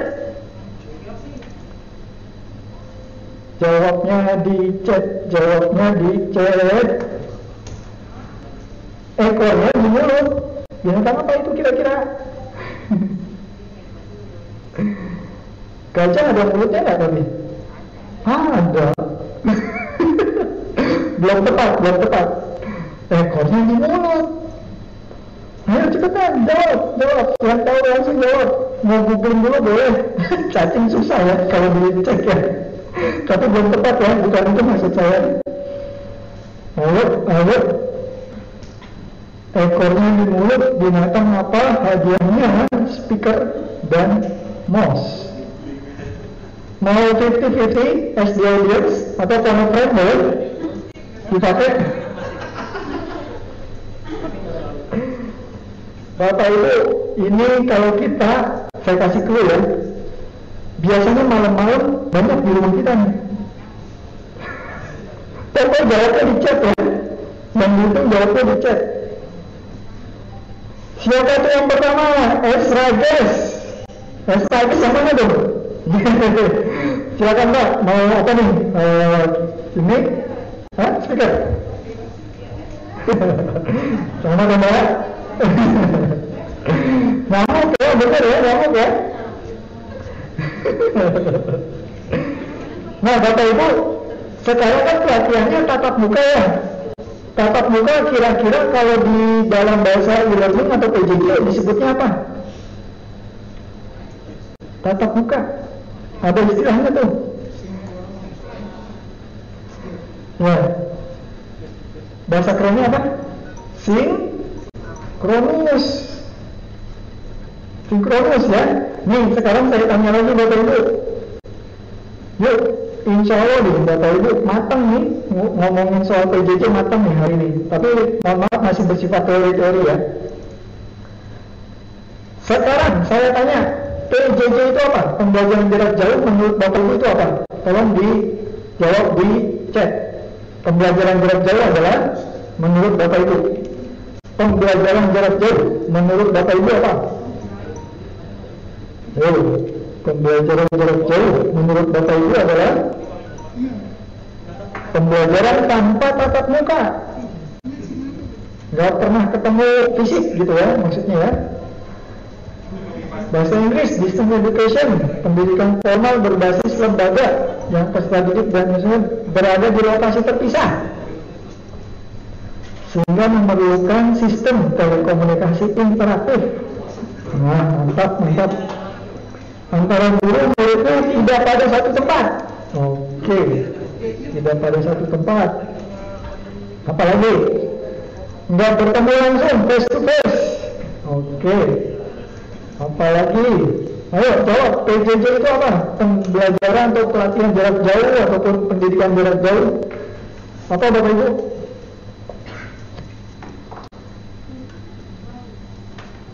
Jawab lewat chat ya, jawab lewat chat.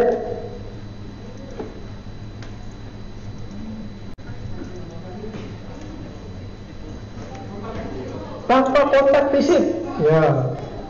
Online learning, nah ini ada nyebut online learning nih. Pembelajaran menggunakan jaringan telekomunikasi.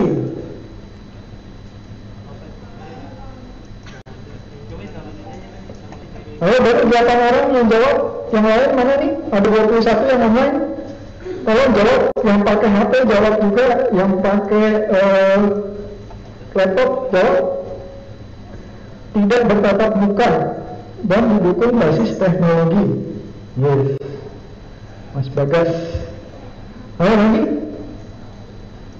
Yang lain lagi jawab lagi.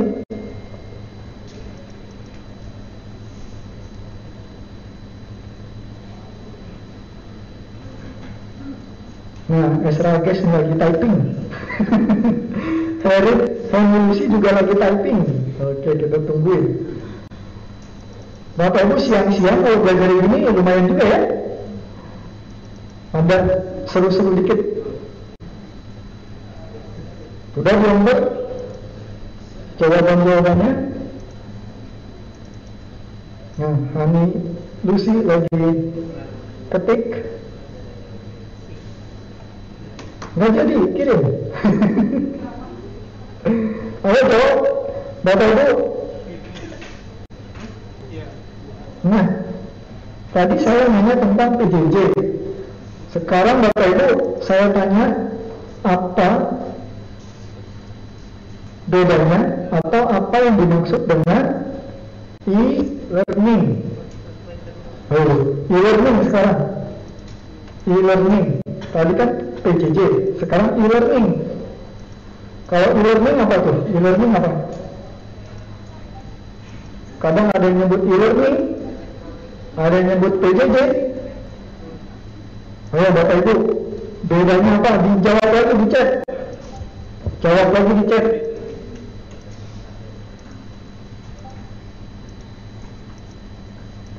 e-learning e-learning. Pembelajaran memanfaatkan media elektronik. Melalui media internet, media elektronik.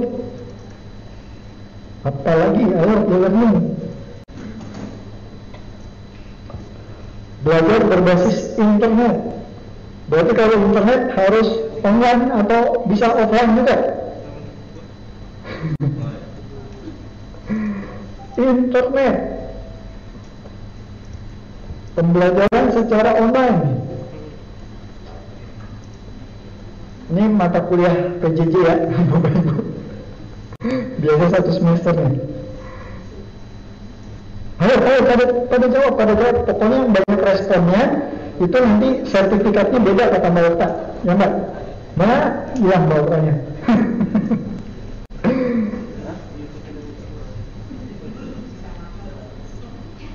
Oh, Mas Bagas lagi typing nih. Mas Bagas is typing. Dari angin di pembelajaran menggunakan perangkat berbasis teknologi memanfaatkan jaringan. Oke, jangan lepas tangan dari keyboardnya ya, dari QWERTY keyboardnya. Saya tanya lagi sekarang, tadi udah ngomongin tentang e-learning, saya tanya, bedanya dengan online learning sekarang. Tadi e-learning, sekarang online learning. Apalagi nih online learning nih? Apalagi online learning nih? Apa yang dimaksud dengan online learning? Online learning.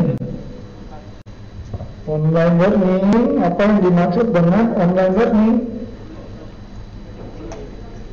daring katanya harus daring harus ke internet harus pakai internet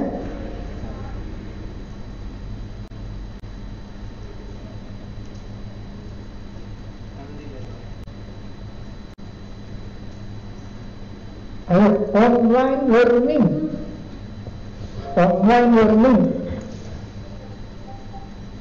media internet. Media internet.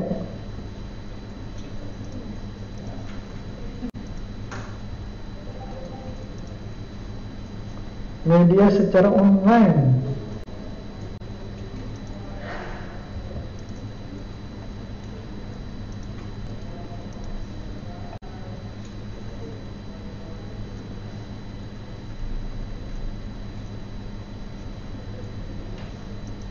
Iya, ayo pada ketik, jangan sampai nggak berpartisipasi, ya.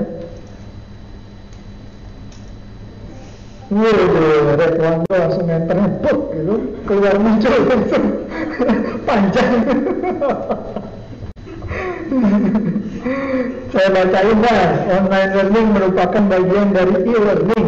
E-learning merupakan suatu konsep yang lebih luas dibandingkan online learning, yaitu meliputi suatu rangkaian aplikasi dan proses-proses yang menggunakan semua media elektronik untuk membuat pelatihan dan pendidikan menjadi lebih fleksibel. Keren. Amin ditas, amin ditias, pembelajaran menggunakan perangkat berbasis teknologi dengan jaringan pada waktu yang ditentukan sehingga dapat berkomunikasi secara langsung pada saat itu juga. Secara elektronik dari Bu Sri Rezeki, online learning di mana saja, kapan saja dalam jaringan. Ih, keren-keren jawabannya. Lalu kalau saya tanya, pembelajaran berbasis komputer, dulu pernah nyobain nggak? Masukin CD ke dalam CD-ROM? Nah, itu pembelajaran berbasis komputer. CAT, Computer Assisted uh, Teaching atau Learning, ya. Nah, itu ada CAT juga. Nah, teman-teman, kalau kita lihat ya, kalau kita lihat dari segi ini bagannya ya, Berarti yang lebih luas cakupannya lebih luas cakupannya saya geser ke mana ya? Sini. Nah, yang lebih luas cakupannya PJJ, e-learning atau online learning yang lebih besar. Hmm. Kalau kantor teman-teman membuat sistem kayak PJJ, teman-teman nyebutnya apakah instansi kami telah menyelenggarakan e-learning atau online learning atau PJJ nyebutnya lebih ke mana? Hmm. kalau kantor teman-teman sebaiknya pakainya e-learning ya kenapa harus pakai e-learning? nah e-learning tadi kadang kita bisa metodenya sinkronus satu tempat kayak gini kadang dia belajar di rumah nggak ketemu asinkronus nah kalau yang PJJ ini untuk lembaga instansi pendidikan. Kayak UT, UT tidak menyebut kami menyelenggarakan e-learning, tapi kami menyelenggarakan PJJ. Ya, ini konsep-konsep dasarnya dulu ya. Online learning udah pasti harus online. Berarti kalau sudah sudah kita di Papua sana nggak ada koneksi, nggak kena tuh. Kita nyebutnya pakai e-learning, ya, karena nggak ada dimensi terputus. Nah, awalnya awal basic itu semua tadinya pembelajaran berbasis komputer offline.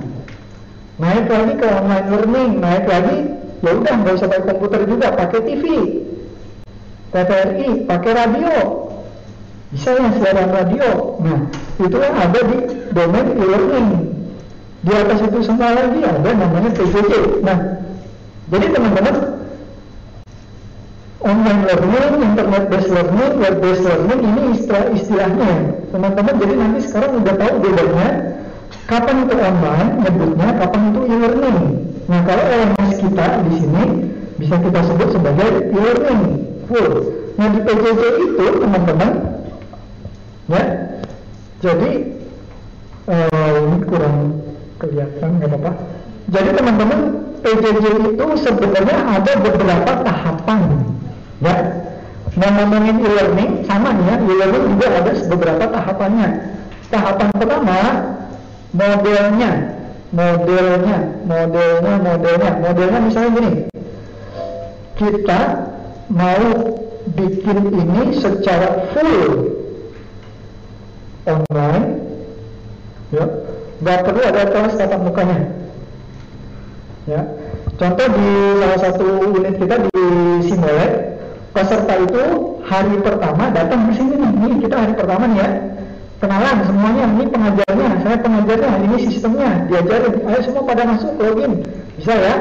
Udah bubar pulang ketemu lagi nanti kalau udah lulus panggil ke sini ambil sertifikat Nah itu modelnya blended, ya.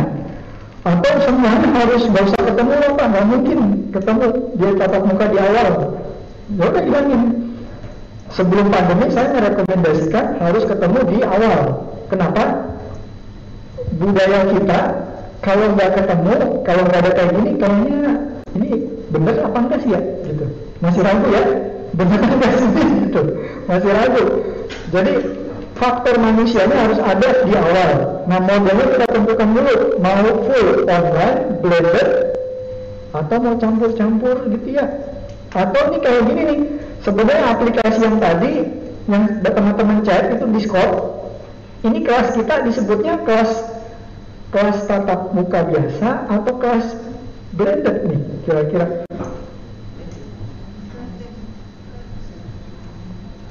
Campur ya, campur. Kalau pelatihan yang normal-normal biasa kan ada yang mau tanya, pada nanya enggak? Enggak ada nanya, ya kan? Tapi kalau kayak gini kita pakai aplikasi namanya teknologi enhanced classroom. Jadi teman-teman nanti kalau udah ngajar-ngajar pelatihan tatap muka pun jangan dibawa manual sekarang, ya.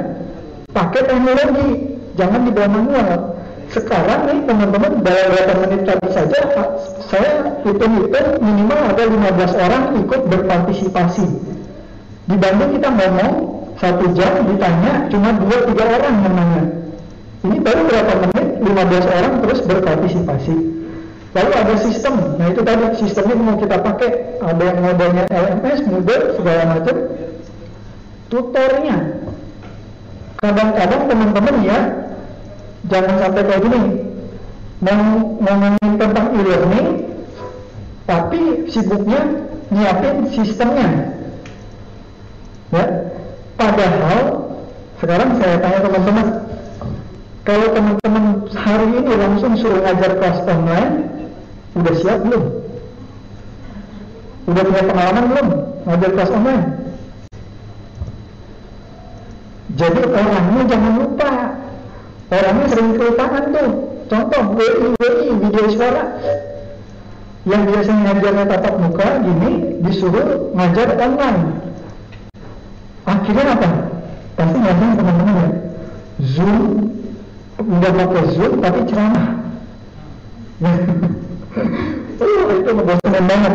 Padahal salah tuh teman-teman ya. Jangan seperti itu nanti saya ajarin. Lalu konten, begitu masuk login, tapi nggak ada isinya, nggak ada tahan diskusinya. Apa pak? Ya nanti saya pas zoom aja saya terangin. Nggak bisa. Orang yang visual senang nonton, tapi orang auditori, orang kinestetik disuruh diam begitu saja, nggak mau. Kita kan tahu dulu ya, jangan dulu bagi bapak-bapak, ibu-ibu, cek anaknya. Auditori kan, visual kan, atau kinestetik. Jadi tahu, kita sebagai orang tua tahu. Nah, kamu mah mending belajar begini aja.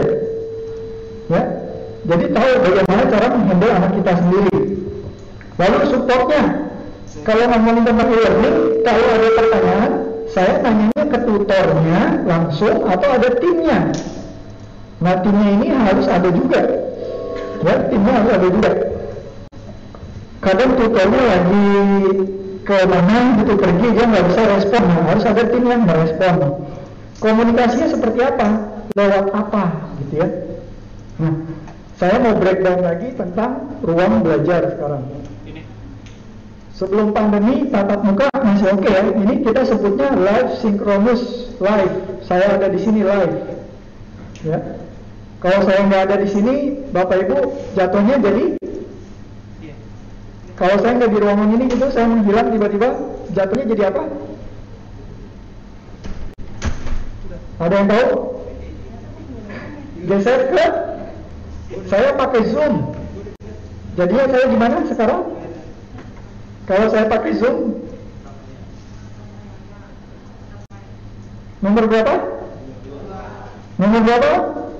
Nah, jangan malu-malu. Nomor dua pak. Kapan lagi belajar, teman-teman ya? Insya Allah nih kalau bukan saya beda lagi ngajarnya nanti kalau soal PJJ.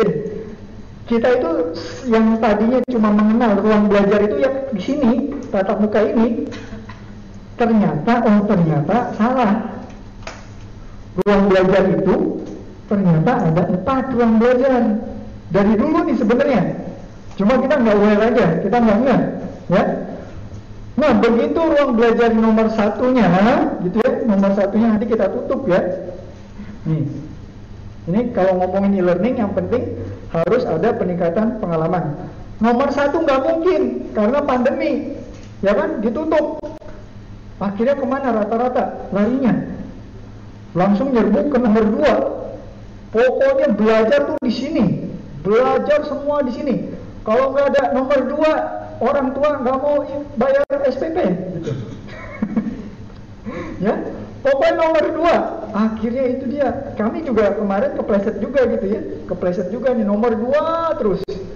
Dan nomor dua, kalau nggak Zoom Meet, Zoom Meet gitu ya, tim Cisco Webex awal-awal ya, kita pakai Cisco Webex.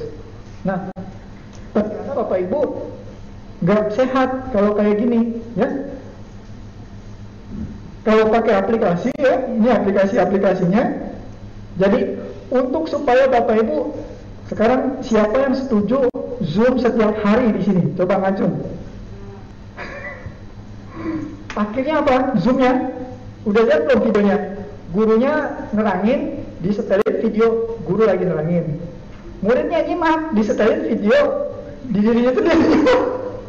Jadi nggak ada yang hadir, nggak ada yang presence, nggak ada yang presence sekarang tuh. Walaupun videonya ada, Bapak Ibu percayalah itu cuma avatar ya. Dia gini, oh gini-gini gitu. Saya udah sering gitu nemuin saya sampai personal chat udah kasihan avatarnya. Ya jadi e, macam-macam bapak ibu. Nah sebaiknya bapak ibu penggunaan ruang belajar nomor dua ya nih zoom segala macam ini kita batasi untuk bapak ibu kan kita belajarnya daring pakai LMS ternyata Irfan sebagai peserta itu nggak pernah ngumpulin tugas, nggak pernah ikut forum diskusi, ibaratnya di sekolah, panggil. Irfan besok Senin kita Zoom session sama tamu personal. Jadi Zoom itu nomor dua ini Bapak Ibu digunakan untuk sebagai bantuan belajar, personalisasi belajar. Jadi nggak dipukul rata. Kita lagi melatih 31, 32 orang ini nih. tapi ada yang nggak aktif nih gitu ya. Kan susah nih. Kalau pakai zoom gitu ya susah. Tapi kalau begitu uh, pakai LMS kita lihat nggak yang nggak aktif ketahuan kita panggil di zoom. Besok kamu zoom ya sama saya ya. Nah atau teman-teman peserta pelatihan kalau udah baca modul nonton video masih nggak ngerti ya. Hari Senin jam 2 zoom ya. Dari 32 apakah semuanya nggak ngerti? Bisa jadi setengahnya paham ya. Bahkan 80% paham tinggal 20% nah 20% ini kalau kita adain semua harus ikut zoom yang 80% kan jadi korban. Kalau bahasa saya kasarnya bapak ibu zolim. Ya itu abuse of power gitu. Jadi yang tadinya dia udah paham sudah mengerjakan tapi harus ikut juga diulang lagi. Nah jadi Bapak Ibu, yang kalau mau kita lebih positif gitu ya, lebih efektif, kita memaksimalkan nomor 3 dan 4. Nomor 3 itu menggunakan, sekarang saya tanya, grup WA ada berapa di HP semenjak pandemi? Kemarin baru saya riset lagi. banyak banget ampun deh jadi ya datanya kepake. Nah apakah bapak ibu pernah dan merasa punya pengalaman belajar menggunakan WhatsApp? Sering nggak? Informasi dari WhatsApp ada video bapak ibu oh yang begini paham tutorial bikin kue sering dapat sering dapat ya tutorial dokumen-dokumen uh, protokol-protokol kesehatan dulu awal-awal dia banyak banget. Jadi sebenarnya pakai WhatsApp bisa belajar juga nih. Tapi harus kita atur. Kapan kita akan dua arah, kapan kita satu arah. Yang jelek, Bapak Ibu udah dibikin grup WhatsApp pelatihan angkatan satu gitu misalnya, dua arah. Peserta ngomong ke mana, tutor ngomong ke mana, Nah, jadi nggak nyambung. Satu arah. Malam ini saya akan memberikan modul satu, termasuk videonya. Silakan dipelajari. Besok, masing-masing dari para peserta diharapkan memberikan pandangannya lewat WhatsApp mulai pukul 8 sampai jam 10. Nah, jadi harus ada aturannya. Ya. Jangan digunakan bebas-bebas. Nanti pas jam 8 kita buka open. Silakan forum diskusi dibuka. Si tutornya juga nggak 24 jam mantengin. Mantengin grupnya doang. Sampai Bapak Ibu. Ya, sampai. Nah, jadi begitu WhatsApp kita berikan instruksinya. Para peserta silakan kumpulkan ya menggunakan LMS kita. Ini modulnya, ini bahan ajarnya jadi uh, bahan tayangnya. Nah, pertanyaan saya sekarang coba lewat chat lagi. Kalau saya memutuskan mengajar para pesertanya, ya, mengajar para pesertanya menggunakan Microsoft Teams.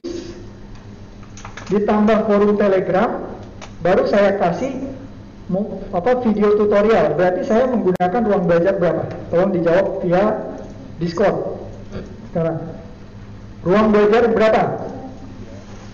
Saya menggunakan Microsoft Teams. Saya pakai Telegram lalu saya pakaiin saya kirim video YouTube-nya berarti saya pakai ruang belajar berapa tuh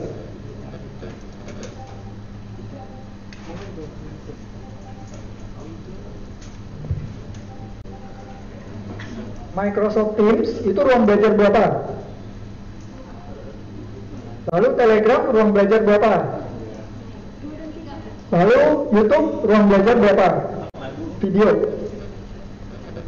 Berarti dua, dua, tiga, empat. Dua, tiga, empat. Ya, saya pakai dua, tiga, empat. Makanya nanti teman-teman pesan saya nih sebagai para peserta di tahun pertama ini yang kenal sama saya Nanti begitu ada diklat e-learning gitu ya, diklat-diklat e-learning di kantor, tolong kasih tahu, Pak, jangan selalu pakai Teams dong, jangan pakai nomor dua terus, jangan webinar terus, pakaiin nomor 3 dan 4 nya 3 dan 4 pakai telegram. Saran saya pakai telegram. Kenapa nggak pakai whatsapp? Kesik, kesiksa nggak? Kesiksa nggak ya? Ting gitu ya ada notifikasi. Ini apa ya? Tugas atau dari teman gitu kan? Di otak itu udah kepecah-pecah. Jadi mending sebagai pengajar gitu ya sebagai pengajar kita belah otak kalau urusan khusus diklat itu di telegram. Begitu telegram notifikasi oh ya tenang gitu ya. Jadi nggak setiap hari ngeliat whatsapp terus gitu. Nah itu guru-guru saya pindah pengalaman pribadi. Sekolah putri saya tadinya zoom tiap hari pakai meet tiap hari. Saya kasih materi ini. Akhirnya sekarang anak-anaknya nyaman orang tuanya nyaman ngomel-ngomel ya di tahun pertama kemarin tugas abrak-abrak semua dicemplungin sama gurunya. Gitu ya. Ngerjain ngerjain ngerjain. Nggak bisa bapak ibu ya di learning itu nanti kita akan breakdown lagi. Jadi nomor 2, 3, dan 4 ya. 2, 3, dan 4 nah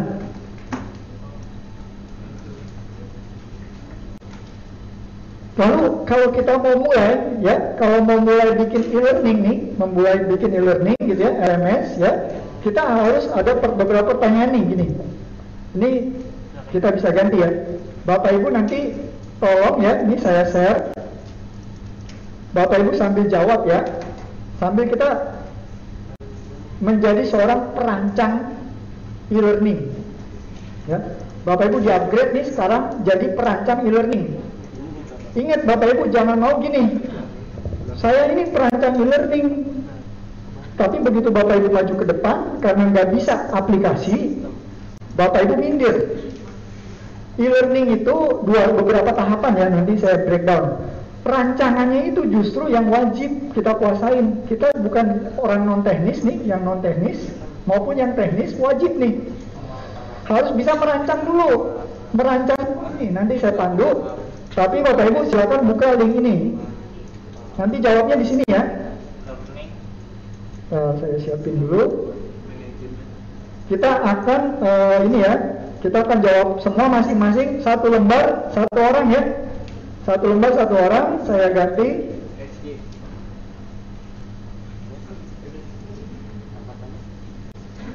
Saya copy linknya, saya bikin pakai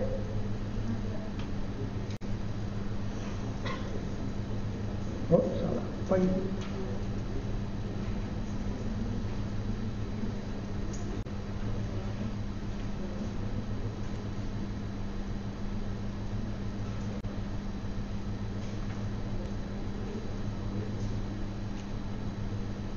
ini cara saya ngerubah link ya.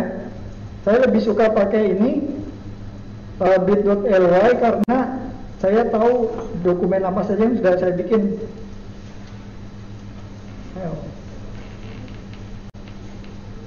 underscore. Rancangan uh, eh, 21 aja lah biar gampang ingatnya. Rancangan 21 save. Silakan buka link linknya namanya rancangan 21 ya.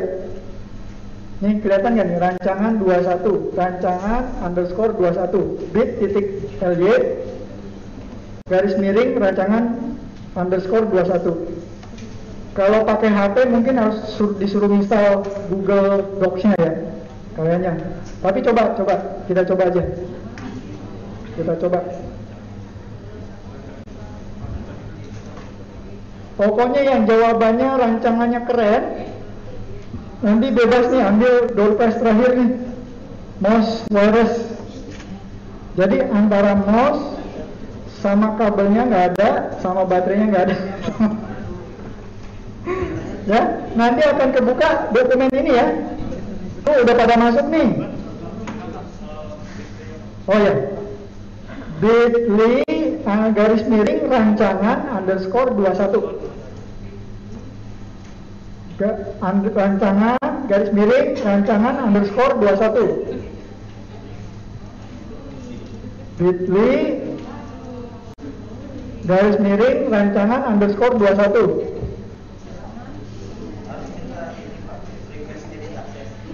Nah, saya cek. Ini udah teman-teman yang lain masuk. Anyone? Oh ya, ya oke. Ini masih view ya. Saya rubah dulu jadi editor. Nah, coba refresh lagi.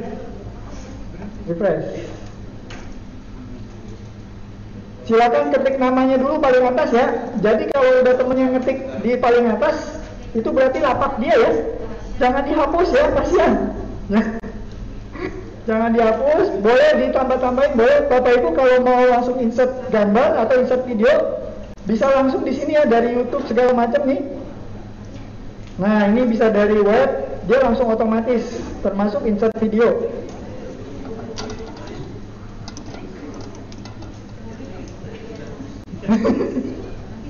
Hancur nuhun. Ah, ini siapa yang ketik-ketik ini? Oke.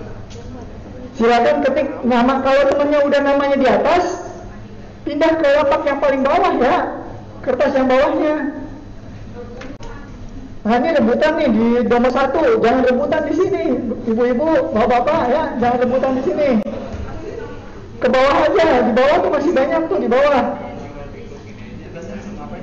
Nah ini ya tugasnya sebentar ya, jangan jangan nyatet dulu. Yang penting lapaknya dulu aja di tap dulu pada PP lapaknya bilang jangan coret-coret di sini. lapaknya dulu, ya lapaknya dulu.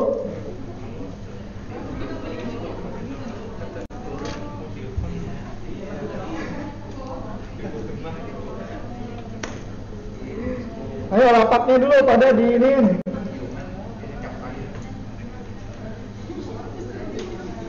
Saya intip-intip dah.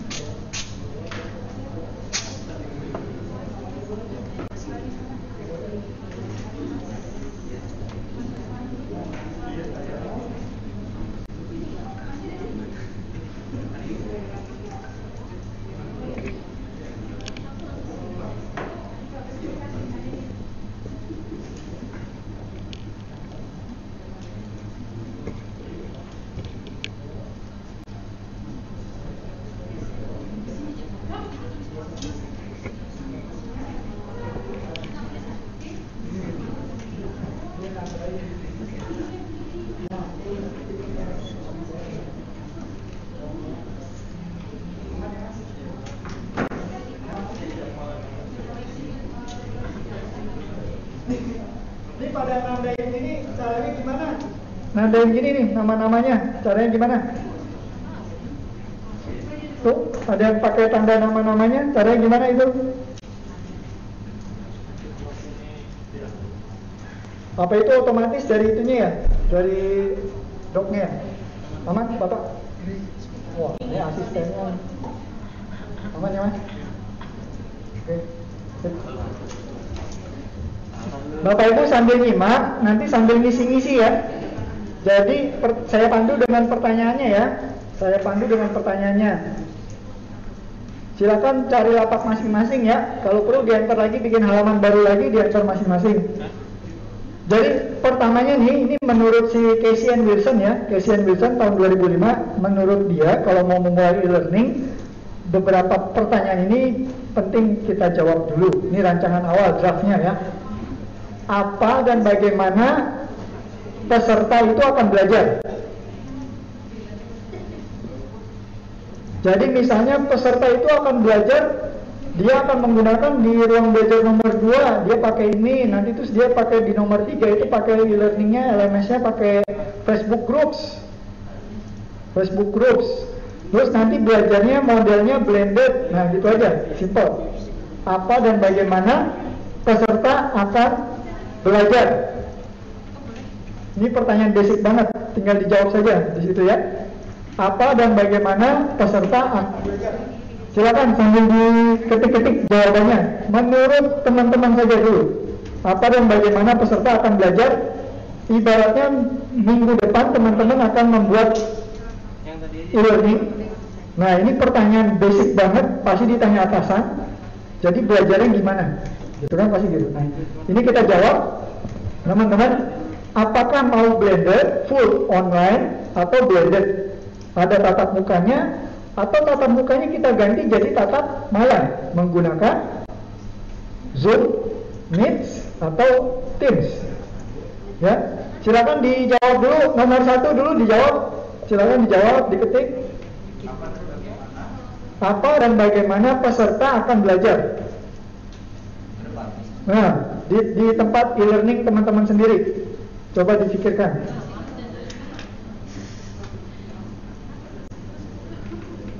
bebas bereksplor ya.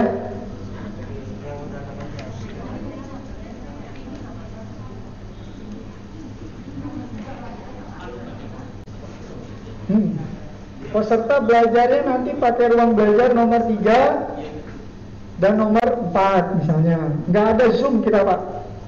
Pernah nggak kayak gitu? Saya melakukan itu sering malah ya nggak ada zoom sering. Buat mahasiswa itu kemarin nggak pakai zoom cuma forum diskusi aja.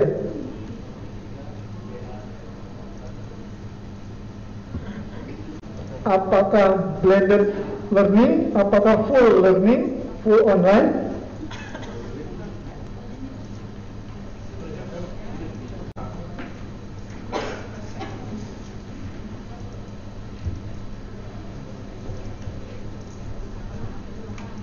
Nah itu self learning gitu ya, self teachingnya diganti pada self learning. Tatap muka, praktek, tatap muka sinkronus menggunakan, oh tatap muka offline ya? Oh, Oke. Okay. Teorinya di Maya berarti dia menggunakan learning management system. Nah gitu kan. Bebas tuh mau pakai Google Classroom, kalau mau langsung produknya dimasukin nggak masalah. Google Classroom, Facebook Groups, ini yang pernah saya pakai ya, atau Moodle. Oh, lagi silakan coba didetailkan lebih mantap. Pertanyaan kedua, kalau udah ya, lalu bagaimana Bapak Ibu sebagai pengajar akan memberikan instruksi pembelajarannya? Pertanyaan keduanya. Bapak Ibu mau ngajar itu pakai apa? Saya pakai rekaman video di YouTube? Boleh.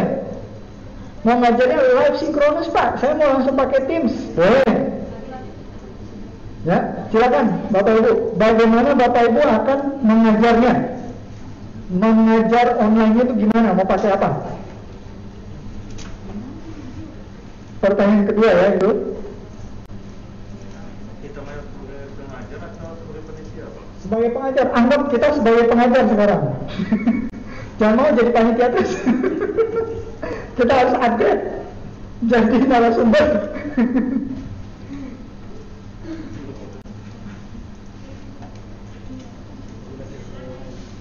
Cara kita akan menggelar pembelajarannya. Cukup Pak lewat forum Telegram. Ya cukup boleh. Nggak apa-apa juga lewat Telegram. Oke? Itu ini ada Pak Aryo, ada Redwando, ada Agung, ada Rahmi, ada Nova. Tolong pada bedain lapaknya ya, jangan satu satu kertas itu rame-rame. ini satu kertas rame-rame, di bawah masih kosong itu. Pindah aja ke bawah, Pak Redwando, pindah ke bawah dah. Di enternya jangan semua dari atas, jangan ikutan ke bawah. ya pindahin, pindahin, pindahin. Pertanyaan lagi ketiga, strategi yang digunakan untuk mengatur kegiatan pembelajaran, strateginya. Strateginya kalau ngomongin strategi berarti berapa lama, berapa kali gitu ya. Kapan aja waktunya, ya ngomongin waktu nih. Setiap hari Rabu akan ada webinar, kayak gitu ya tatap mayanya kapan gitu ya? Atau uh, forum diskusinya mau dimulai dari jam berapa sampai jam berapa? Ya? Ayo ngomongin strategi. Ini kalau udah kelar nih bapak ibu cocok jadi WI ya? Sudah bisa bikin rancangan. Ayo strategi. Sekarang strategi. Strategi yang digunakan untuk mengatur kegiatan pembelajaran strateginya Pokoknya lewat Zoom, eh, lewat YouTube, tapi tugas dikumpulkan lewat Google Classroom. Nah gitu, bisa ya strateginya ya. Pokoknya saya pakai Instagram Live, cocok ya, jangan ragu-ragu. Pakai TikTok for Education, cocok juga, jangan ragu-ragu ya. Kapan lagi bebas merancang kita, bebas merancang. Ya, di IGTV itu masih potensial banget, tinggi banget IGTV. Masih jarang yang pakai tuh IGTV. Jangan jadi YouTuber, banyak banget saingannya. Lari ke yang masih sedikit. Ya. Yang sedikit tuh IGTV, itu masih sedikit. Si apa? Vicky Naki. Nah, lari ke Ome TV karena dia tahu ini belum banyak. Gitu. Jadi jangan nyari yang banyak pasarannya. Setelah strategi, Bapak Ibu, sumber belajarnya. Sumber belajar, Bapak Ibu harus bikin video, Pak. Saya mau bikin video, Pak. Saya mau bikin podcast. Nanti saya taruh di apa itu kalau podcast Spotify. Saya taruh di Spotify. Ayo, semua merek-merek yang sering kita pakai di kehidupan biasa, masukin buat pembelajaran. Saya mau masuk di Spotify Pak. Anchor FM. Anchor, Anchor FM. Ayo. One, two, three, open the door. Apa Bapak Ibu? Ayo, kita ngomongin apa yang harus disediain. Pak, saya nyediainnya PowerPoint doang, boleh nggak? Ya boleh juga. Ya, nyediain PowerPoint doang boleh juga. Nyediain PowerPoint boleh juga.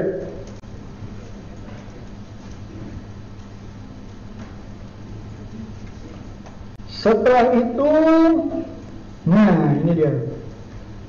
Diperjelas lagi, jadi dibikin lagi satu paragraf itu teknologi aplikasi apa saja yang kita gunakan dalam rancangan ini.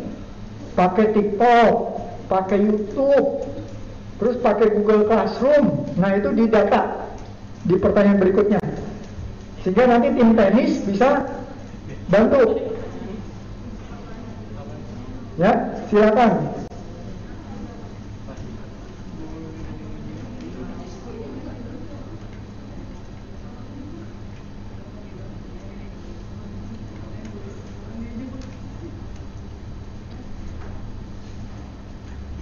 Teknologinya udah, pertanyaan berikutnya kapan, terus mau ujiannya kayak apa sebenarnya? Ada ujian apa enggak?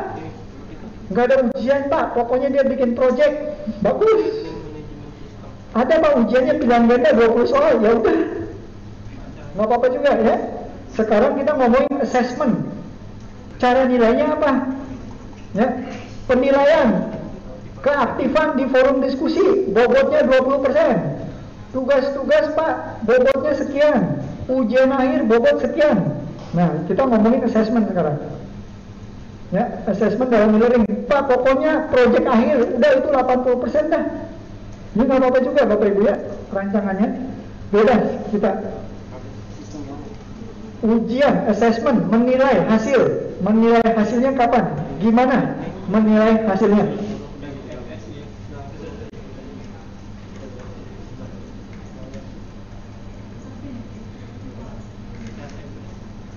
Kalau udah ngomongin soal assessment ujian, lalu sekarang kita kasih bantuan. Kalau pesertanya kesulitan,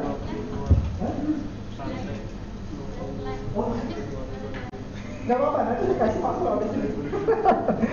yes, terima kasih. Pokoknya habis ini saya kasih waktu ya, uh, sekitar 15 menit untuk membuat keren, lebih keren lagi.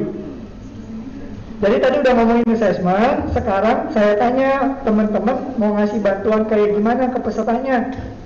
Lewat WhatsApp, lewat webinar setiap hari ini. Nah, lewat asisten saya Pak, ada asistennya. Ya, silakan teman-teman 15 menit rapihin.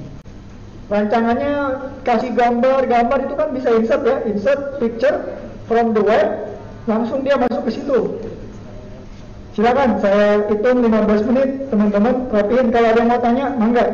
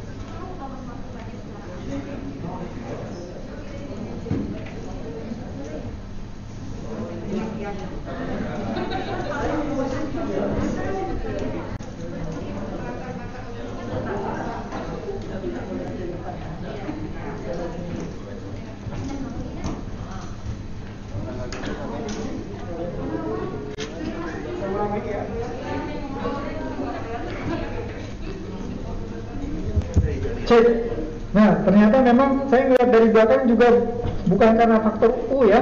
Nah, kelihatan.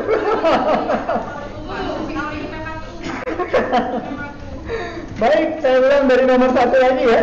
Nomor satu itu ngebahas, jadi pertanyaannya apa, bagaimana peserta akan belajar. Ya, peserta itu akan belajar menggunakan ruang belajar nomor 2, 3, 4 gitu misalnya ya. Nomor 2 itu apa saja yang mau kita pilih. Nomor 3 apa yang mau kita lakukan. Cabut aja dulu ini satu, nggak bisa ya? Yang mana ya? Iya cabut. Nah, cabut nanti pindah ke situ gitu. Kalau meledak jangan salahin ya. Oke, sekarang nomor 2 Baga bagaimana ibu-ibu sebagai pengajar itu akan ngasih instruksi pembelajaran itu nomor dua ya bagaimana kita memberikan instruksi kita. Kita akan menggunakan LMS-nya doang kah? E, pakai chatting doang kah? Gitu ya. Atau dikirimin video-video doang. Kasih video-video doang. Nah kayak gitu ya. Itu bisa nomor dua. Lalu strategi yang digunakan. Kalau strategi itu ngomongin waktu kan ngomongin waktunya ya. E, berapa lama gitu ya. Kapan dia online kapan dia belajar kapan forum diskusinya dibuka nah strategi ya. Ngomongin strategi. Sumber belajar. Ibu-ibu mau bikin apa kontennya? Ya. Mau bikin video boleh mau bikin podcast boleh. Nah itu silakan ya. Mau bikin video boleh podcast boleh. Silakan dijabarkan lagi lalu teknologinya yang mau dipakai itu apa aja? Disebutin lagi di situ. Teknologi yang mau dipakai. Teknologi yang mau dipakai. Grupnya di telegram pakai google classroom. Sinkronus asinkronus itu di nomor dua ya. Mau pakai meet atau mau pakai forum diskusi doang bisa. Lalu pertanyaan berikutnya lagi evaluasinya gimana? Asesmennya mereka cuma cukup ngerjain tugas-tugas sama ngerjain ujian akhir selesai pak. Jadi bisa. Tapi kalau yang keren nanti kita bahas project based learning. Mereka bikin proyek. Lalu setelah itu dukungan dan layanan. Bapak ibu mau ngasih bantuan gimana ke siswanya ke pesertanya ngasih nomor WhatsAppnya kah? Atau ngasih silakan kalau ada yang mau bertanya ini ada forum diskusi di sini. Ya. Kalau yang butuh cepat boleh japri silakan. Tapi nggak saya sarankan. Jadi silakan menggunakan forum diskusi tapi kita sepakati forum diskusi ditanyakan hari Senin. Paling lambat dijawab maksimal Selasa pagi sudah dijawab. Gitu. Ya jadi mereka udah tahu aturan waktunya. Kapan dia kalau udah nggak direspon-respon dia akan japri. Jangan sampai semuanya pada japri.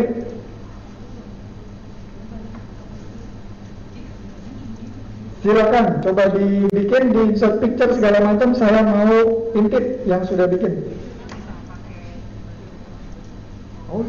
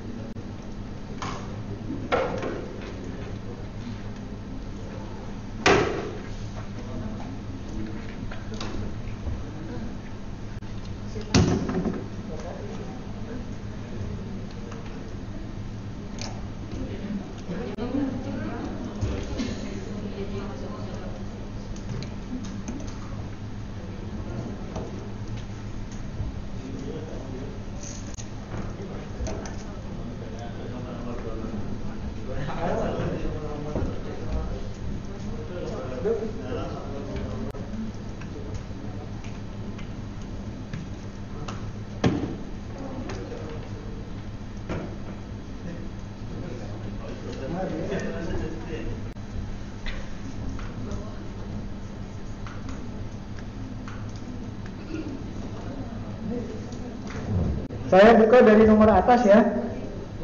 Kelihatan gitu ya?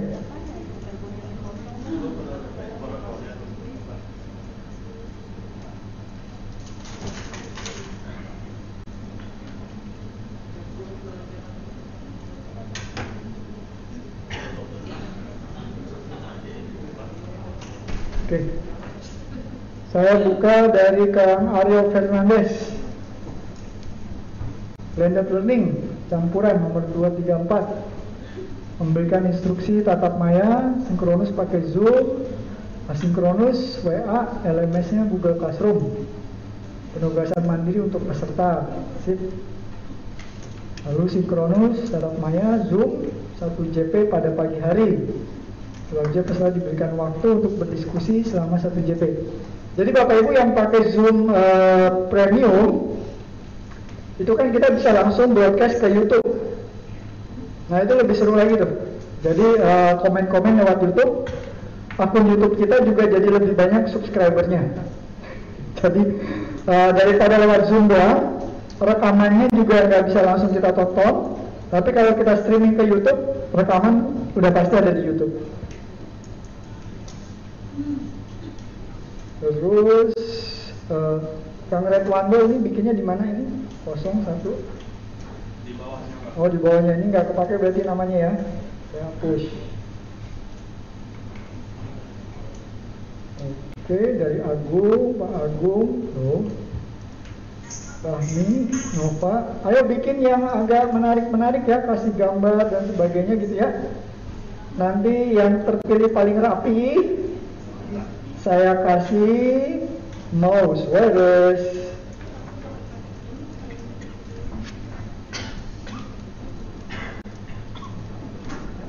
Bapak Ibu, segera ya, 15 menit aja. Karena hari ini kita hanya sampai 15.30-an, ya. Setuju nggak? Apa? Jam 5? Ya, ya udah mau tak jam 5, Mbak. Iya. Nggak jadi. Sampai jam 7, Mas. ayo, ayo. Bagi Bapak Ibu yang dari daerah, jangan lupa ngobrol sama Mbak Okta karena kuncen Kalibata, Mbak Okta.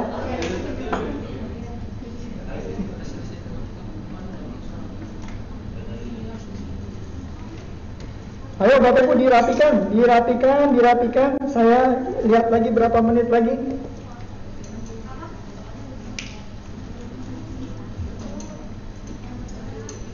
Sekitar 5 menit lagi Bapak Ibu, dirapikan tolong, dirapikan.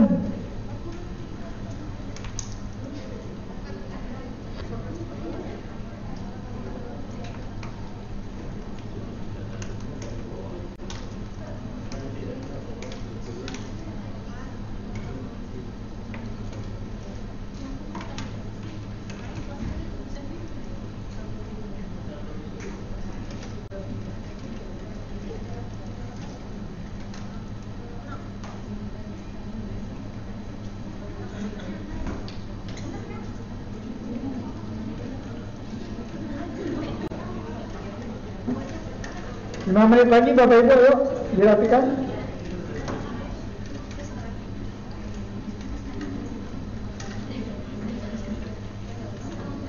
Bikin namanya yang bagus gitu ya, namanya yang bagus.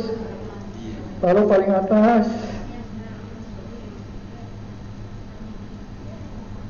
Oh.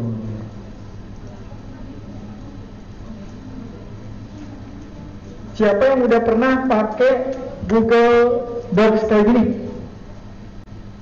Yang baru pertama kali pakai Google Docs? Seru nggak? Seru nggak? Karena ada yang hapus gitu ya. Saya kasih tahu ya. Nah, kalau kalau ada yang hapus, coba cek di tim Sumatera Barat.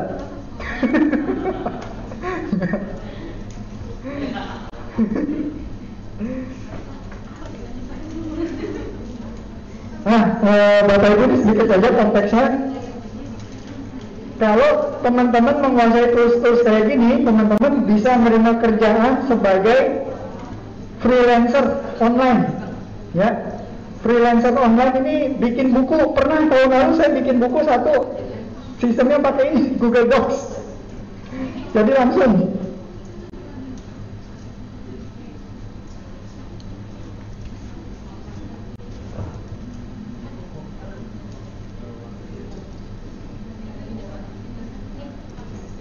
ayo ayo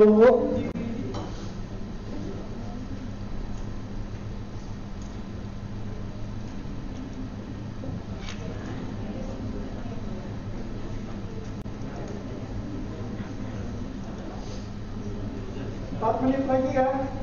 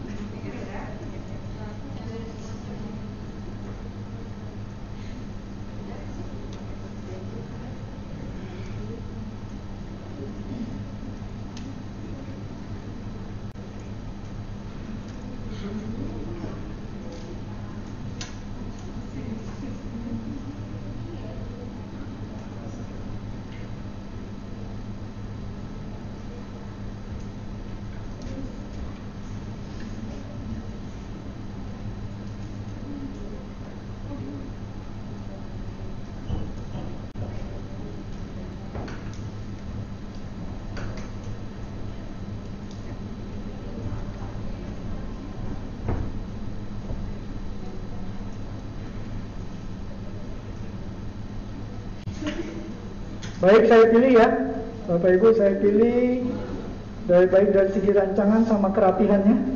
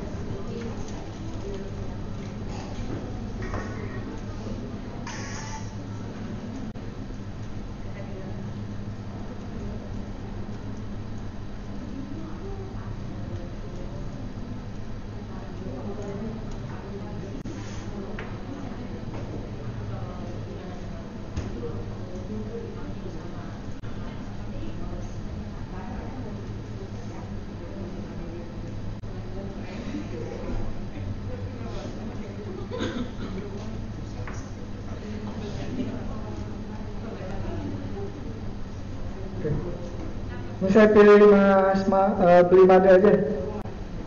Beli made, silakan beli made. Gak apa. Yeay, beli made ya. Tenang aja besok saya bawa ke sini stok iPhone dari Raja Siregar PS Store ya. Tenang saja. nah, eh, bapak-bapak, ibu-ibu, Coba perhatikan lagi ke sini ya. Coba perhatikan lagi ke sini ya. Nah, eh, oke. Habis ini jangan menganggap Bapak Ibu udah nggak tahu lagi tentang e-learning, tapi wajib bisa ya. Bapak-bapak Ibu-ibu, coba perhatikan di sini. Kalau sinkronus dan asinkronus, sinkronus dan asinkronus ya. Nanti kalau rapat-rapat e-learning, ngedesain e-learning, jangan kalah set sama orang yang ngomongin jelimet-jelimet gitu ya. Sinkronus, asinkronus gitu, nggak usah kalah set. Sinkronus itu kalau yang live, nih saya di sini nih, saya namanya live ya. Sinkronus, sama tempatnya, ya, sama-sama tempatnya di sini. Tapi kalau saya nggak ada, saya cuma lewat video, berarti saya di virtual sinkronus, saya virtual, ya sepakat dulu ya Bapak Ibu ya. Ini istilah-istilah nih, jangan sampai keder kita ya. Nah, sinkronus, live, dan virtual. Nah, di sinkronus itu, kalau yang virtual berarti udah beda lokasi ya. Sudah beda lokasi, beda waktu bisa nggak? Nah, ya. Beda waktu juga bisa. Kan di Makassar jam 10 Ji. Di sini jam Orang orang Makassar masih mikir di sini udah jauh. ya, boleh beda waktu, ya boleh beda waktu. Guru-guru kami melayani siswa-siswa di Belanda. Ngajarnya jam berapa di Indonesia? jam satu, jam satu malam. Jam satu malam, saya ngebantuin pula lagi. Nah, terus yang asinkronus, ya asinkronus gitu ya, ada yang kolaborasi, ada yang self pace. Kalau asinkronus gitu ya, kolaborasi. Kalau WhatsApp itu nyebutnya apa nih jadinya sekarang kalau WhatsApp? Sinkronus atau asinkronus? Kalau WhatsApp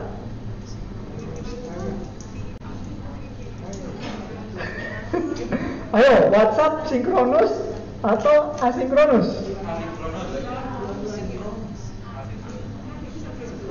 Kalau nanya jawab, nanya jawab langsung dijawab dijawab jawab terus berarti apa nih? Sinkronus kan? Nah, tapi kalau nanya nggak dijawab jawab, jawabnya besok. Asinkronus. Ya, nanya nggak dijawab jawab, telepon. Kita udahan ya. sama Bapak Ibu, sama di pelajar daring, peserta nanya, jawabnya dua hari, N nggak mau nanya lagi besok ya itu repotnya kalau nanya di forum diskusi dijawabnya nanti malam aja riwah bawahnya udah beda makanya di e-learning harus ada tim pengajar ada tim fasilitatornya terima kasih pertanyaan kamu akan segera ditanggapi oleh pengajar tunggu ya kirim ke pengajar Jawab. Ya? Oke? Lalu belajar nih kalau dikasih video, kalau dikasih video, dikasih modul PDF, ya. Jatuhnya sinkronus apa asinkronus? Ingat ya, keluar di ujian. Bahaya ya. sinkronus atau asinkronus? Modul PDF? Iya, namanya modul. Bagaimana coba dia? Kecuali modulnya udah modul i-modul. Ada modul sekarang tuh i-modul. Kita kasih respon dia jawab. Bisa tuh i-modul ya. Dan dia belajar mandiri. Kalau tadi Google Docs itu namanya self-paced atau kolaboratif. Google Docs yang Bapak Ibu pakai sekarang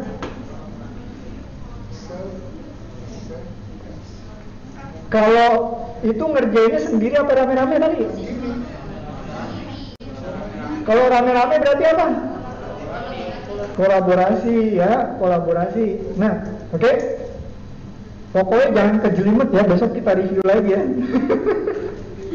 jangan kejelimet, pokoknya ya.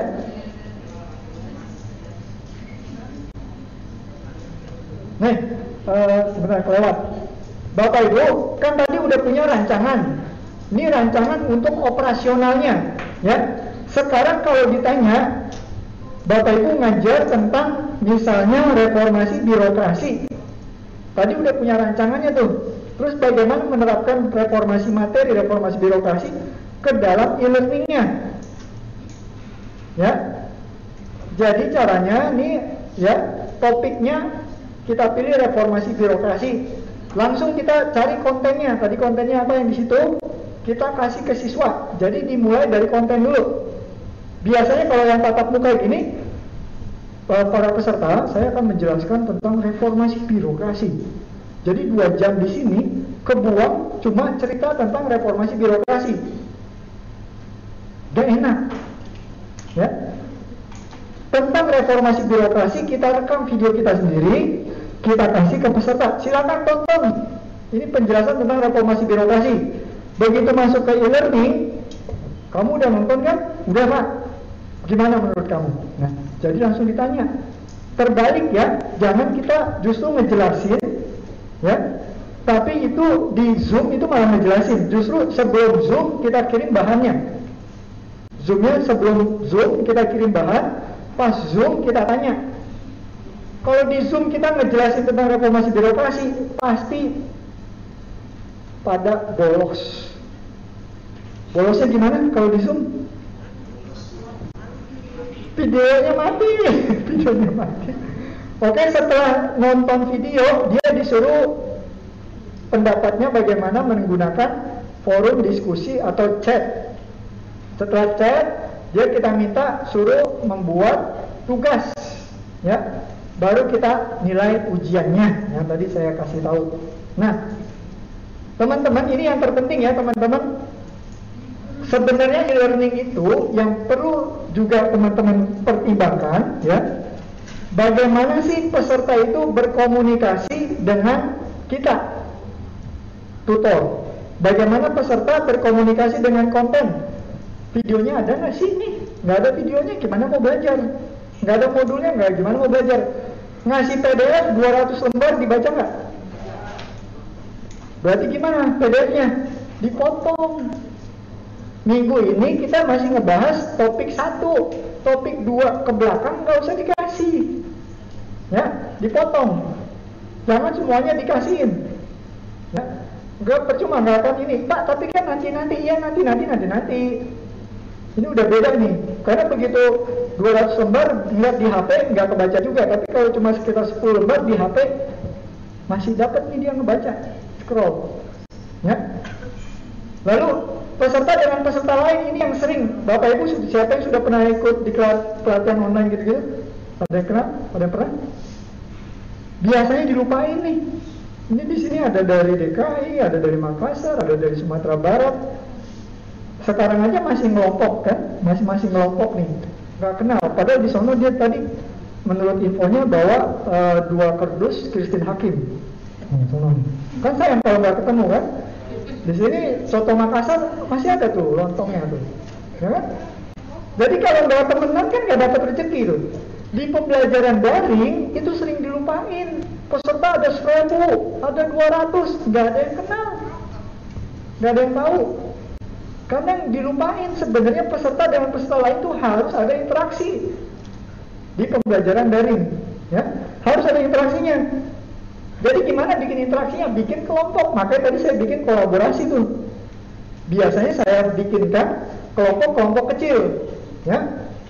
Nah, lalu dengan instansinya, instansinya apakah cuma udah menyambut gini aja? Kan harus ada video sambutan dari Pak Teguh, gitu ya, ada kata-kata ya biasa Pak Teguh setiap pagi usahakan kalau pejabat itu menyapa peserta e-learning. Satu paragraf aja. Selamat pagi para peserta di kelas LMS. Gimana kelasnya pagi ini? Namanya Pak Teguh gitu ya.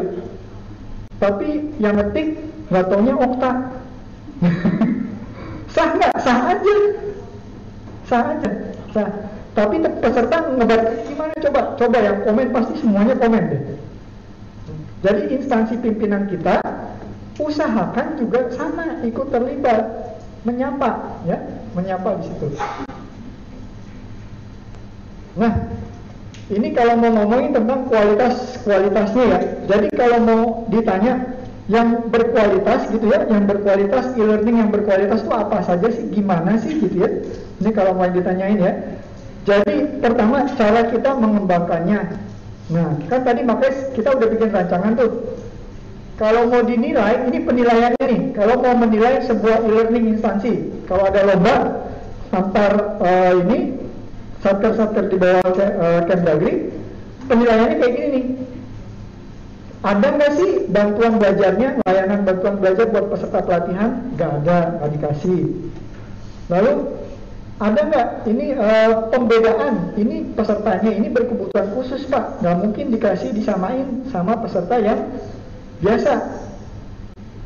Dengan e-learning tuh bisa dibedain.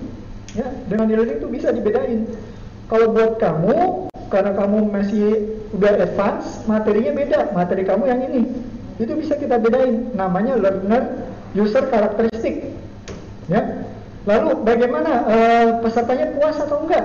Nah, ini cara-cara kita mau menilai uh, ini ya pembelajaran jarak jauh.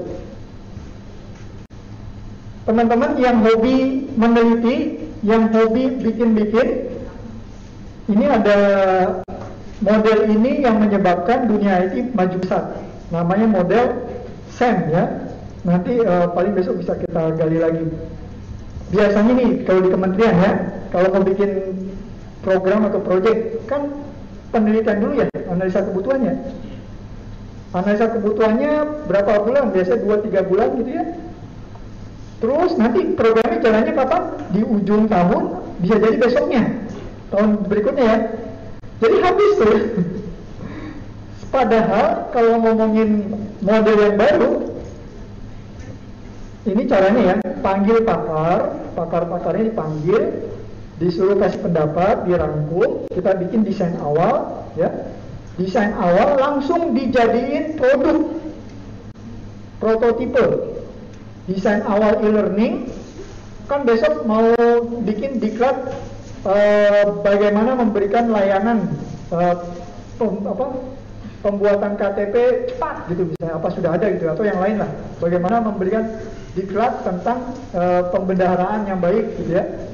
Nah daripada merancang meneliti dulu lama kalau model ini langsung bikin prototipe prototipe diujikan ya diujikan e, di yang kecil 30 orang misalnya bisa nggak ngerti nggak ngerti langsung bikin prototipe model kedua maka di aplikasi di HP Bapak Ibu Kira-kira sebulan berapa kali ngupdate?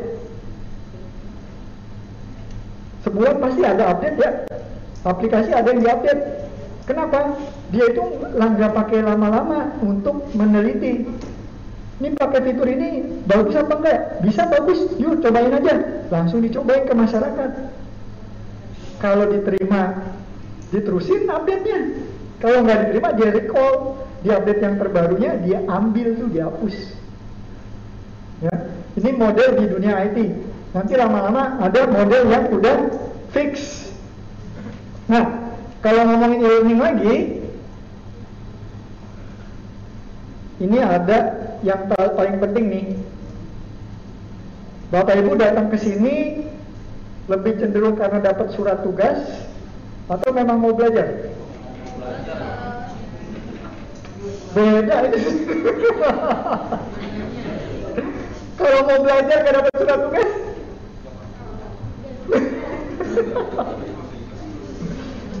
ya, jadi sebenarnya e-learning itu kalau si pesertanya nggak tahu tujuannya ikut ini, manfaat nggak sih buat saya? Nggak ada yang mau. Tapi beda konteks kalau kita di pemerintahan, pemerintahan, kamu kalau nggak ikut dapat SP1 ya. Nah, pasti ikut ya. Artinya bisa kita paksa tapi sebenarnya bagus dia menurut teori konteksnya dulu. Saya ngapain dua minggu belajar tiap hari gitu ya lewat Zoom menggunakan LMS, tapi ini nggak bermanfaat buat saya. Itu udah bisa diyakini uh, e-learningnya pasti gagal. Supaya nggak gagal berarti di depan sekali, pas di depan banget tuh kita kasih tahu Jangan cuma selamat datang para peserta diklat uh, pemanfaatan LMS, dan gitu doang ya. Tapi kita kasih tahu para peserta pengembangan LMS ini sangat penting pemanfaatannya karena ini sangat darurat sampai dia paham. Oh ini LMS begitu ya.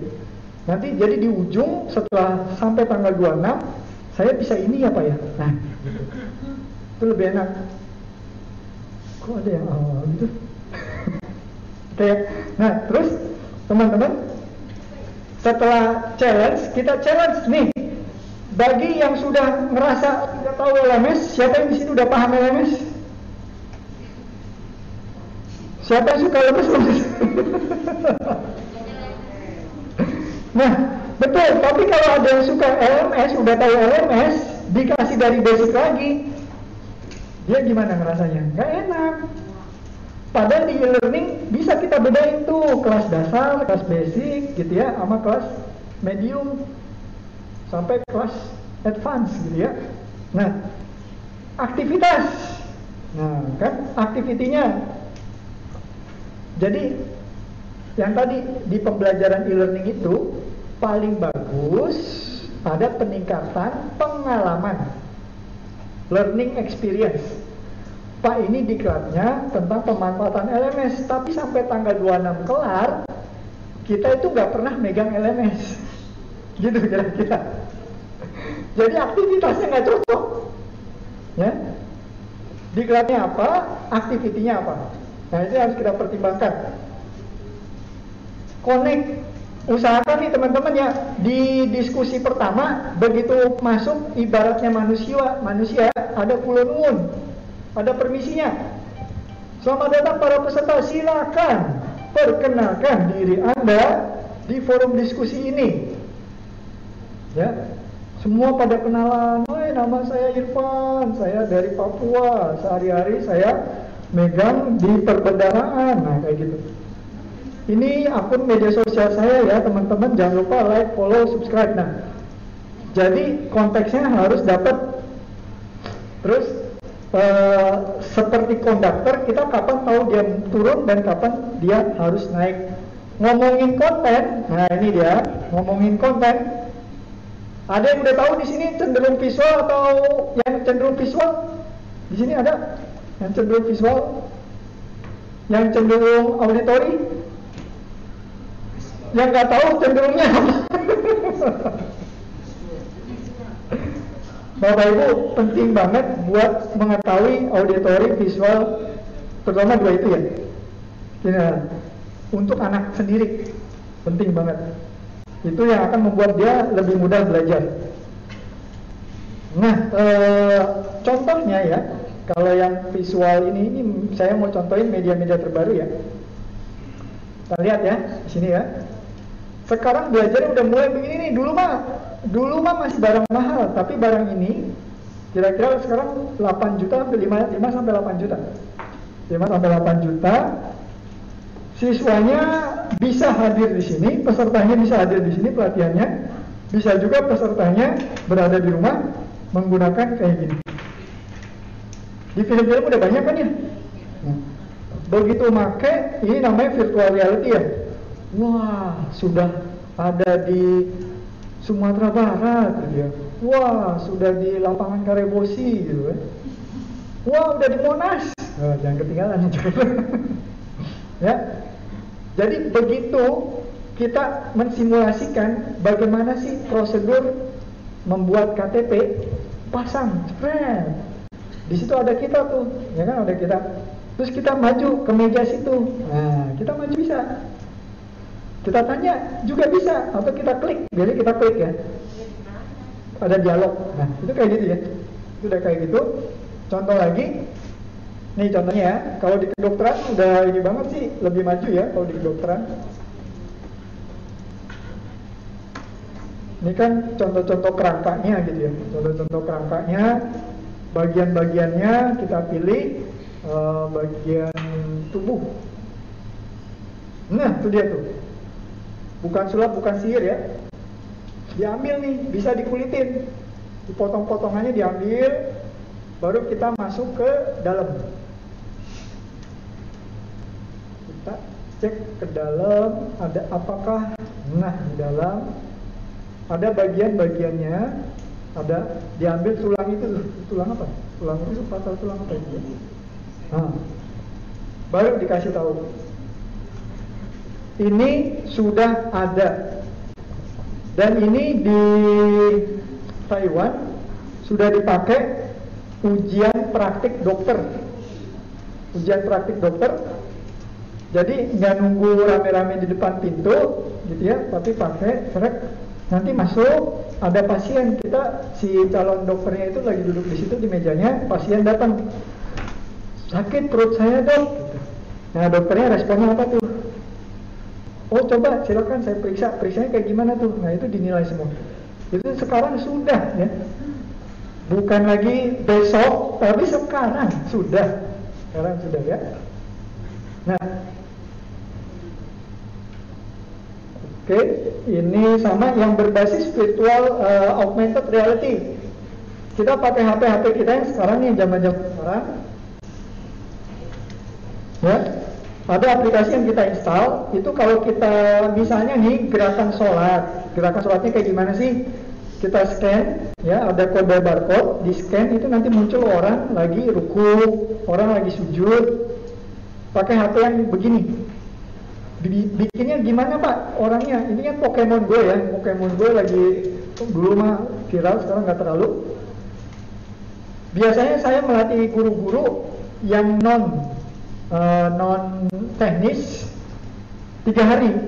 Jadi jadinya beneran jadi ya bukan jadi hancur gitu ya. Tiga hari jadi nanti guru-guru. Nah eh, teman-teman kalau ngomongin pas diklat daring, kalau dikasih pilihan ganda, kira-kira berasa belajar apa enggak? Dikasih pilihan ganda ujiannya? Enggak. Berasa enggak? Enggak. Saya kasih tips ya. Kan di dunia internet tuh banyak uh, kursus daring dari MIT gitu-gitu ya, dari Microsoft ya. Cara saya menyelesaikan dengan cepat, Begitu login selesai masuk, saya lari ke ujian. Pas di ujian kan dia kasih kesempatan kita tuh tiga kali. Begitu ujian kelar, saya dapat jelek dong. Tapi kan saya udah tahu kan kisi-kisinya. Saya balik lagi belajar, baru ujian lagi lulus. Jadi artinya teman-teman ya, kalau pengejar sertifikat cari kayak gitu silakan. Tapi kalau kita mau nyari belajar, nah ini eh, yang perlu kita cermati. Kita menggunakan taksonomi belum. Kalau dikasihnya pilihan ganda, gak keren. Jadi harus kita lakukan, lihat. Kalau mau orang itu belajar, ya, kalau mau orang itu belajar banget, kita suruh dia bikin video, video video testimoni nggak apa-apa. Ya, jadi disuruh bikin video, disuruh bikin podcast, disuruh bikin blog. Orang-orang yang memang konten creator boleh disuruh bikin video. Tapi saya bukan konten creator, saya konten writer. Kasih dong saya tugas menulis, kasih menulis, bikin blog. Ya, bikin blog. Jadi setiap pelatihan kita, kita lariin tugas-tugas ini yang kekinian. Jangan lagi cuma ujian-ujian, tapi tugasnya mulai bikin film, project, ya, project based learning menggunakan blog, video, sama podcast. Karena dia berada di urutan atas. Nah, ini lagi teman-teman. Jadi kalau teman-teman berdiskusi mengatakan pendapat di forum diskusi Lalu di situ direspon oleh tutornya. Senang atau enggak? Pasti senangnya minta ampun ya. Jadi begitu tutor merespon, itu namanya ada social present. Zoom dari jam 8 pagi sampai jam 3 sore. Physical presentnya ada, kita ada. Tapi benar belajar nggak? Ada nggak knowledge presentnya? Benar nggak belajar? Walau alam disawab ya. Tapi teman-teman di forum diskusi, begitu ditanyakan topik, teman-teman ngasih pendapat. Menurut saya seperti ini. Nah, itulah ada namanya knowledge present, cognitive present ya. Physical presentnya juga ada dengan keberadaan postingan itu. Social presentnya dia juga berdiskusi dengan teman-temannya. Ini yang sering dilupakan di pembelajaran daring. Forum diskusinya nggak dihitung. Kalau di kita forum diskusinya diabaikan saja.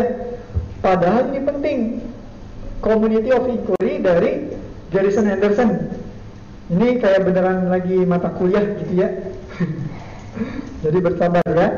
Nah, uh, setelah community inquiry-nya dapat, saya mau underline lagi tentang project based learning. Project based learning itu bukan berarti project individu ya, salah.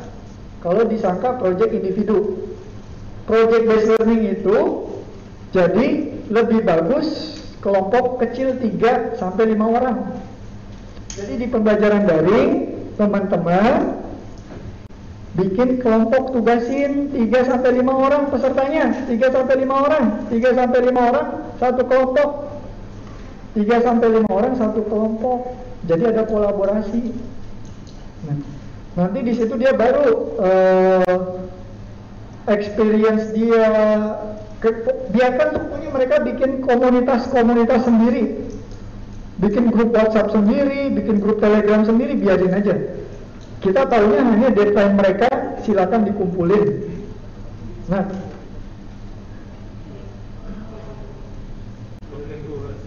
Jadi kalau teman-teman ngomongin tentang e-learning ini ya sebenarnya tahapannya ya. Teman-teman kalau ikutin pelatihan lebih tahu dari awalnya tahunya dari medsos apa dari mana? Medsos kan? Nah berarti tiap instansi teman-teman medsosnya sekarang rapihin. Ya. Semua admin-admin yang pegang akun medsos rapihin. Karena wajah pelayanan instansi teman-teman itu adanya di medsos ya. Medsosnya dirapihin. Ini sebenarnya teman-teman ya. LMS itu kan cuma satu bagian di sini nih. LMS itu satu bagian. Kayak pelatihan kayak gini teman-teman tadi pagi daftar di meja depan nggak? Nah, ini ruang belajar namanya LMS. Meja pendaftaran tadi itu namanya SIM pendaftaran. Kadang kantor kita ngomongin e-learning, taunya cuma LMS-nya doang. Jadi teman-teman di SIM pendaftaran itu nanti memverifikasi persyaratan pesertanya harus dari uh, unit unit organisasi Kemendagri. Kok ini dari Kemenak muncul, dari Kemdikbud muncul? Nggak boleh dong masuk. Nah, SIM pendaftaran akan memverifikasi. Tapi kalau tiba-tiba dia langsung masuk ke LMS, LMS nggak akan bisa memverifikasi. Ya, ini yang idealnya. Jadi dari SIM pendaftaran, setelah SIM pendaftarannya ada, masuk ke LMS, masuk ke ruang kelas. Nah, LMS ini ruang kelas kita. Ruang kelas, baru di SIM penilaian nanti ujian dari kalau dari LMS itu keluar ujiannya 80, tapi 80 itu maknanya apa? Apakah lulus, nggak lulus? Nanti dihandle oleh SIM penilaian. Ini idealnya ya. Jadi kalau udah ngomongin e-learning, mau pakai apa LMS-nya? Bilang ke yang ngomong gitu, LMS nggak cuma satu-satunya Pak, Bu, ya kita masih banyak komponen yang lain yang harus kita siapkan. Nggak cuma LMS-nya aja. Ada e-portfolio, hasil-hasil belajar teman-teman. Coba di sesi ini e-portfolio-nya contohnya apa saja di sisi sesi ini? E-portfolio yang sudah dihasilkan dari sesi saya ini sekarang.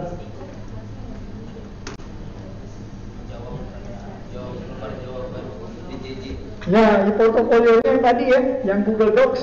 Nah, itu udah keluar tuh e-portfolio. Nanti kalau bagus, saya lahirkan ke, saya taruh di depan galeri. Di bawah tuh ada galeri gitu, misalnya saya taruh di galeri. Itu namanya Knowledge Management System.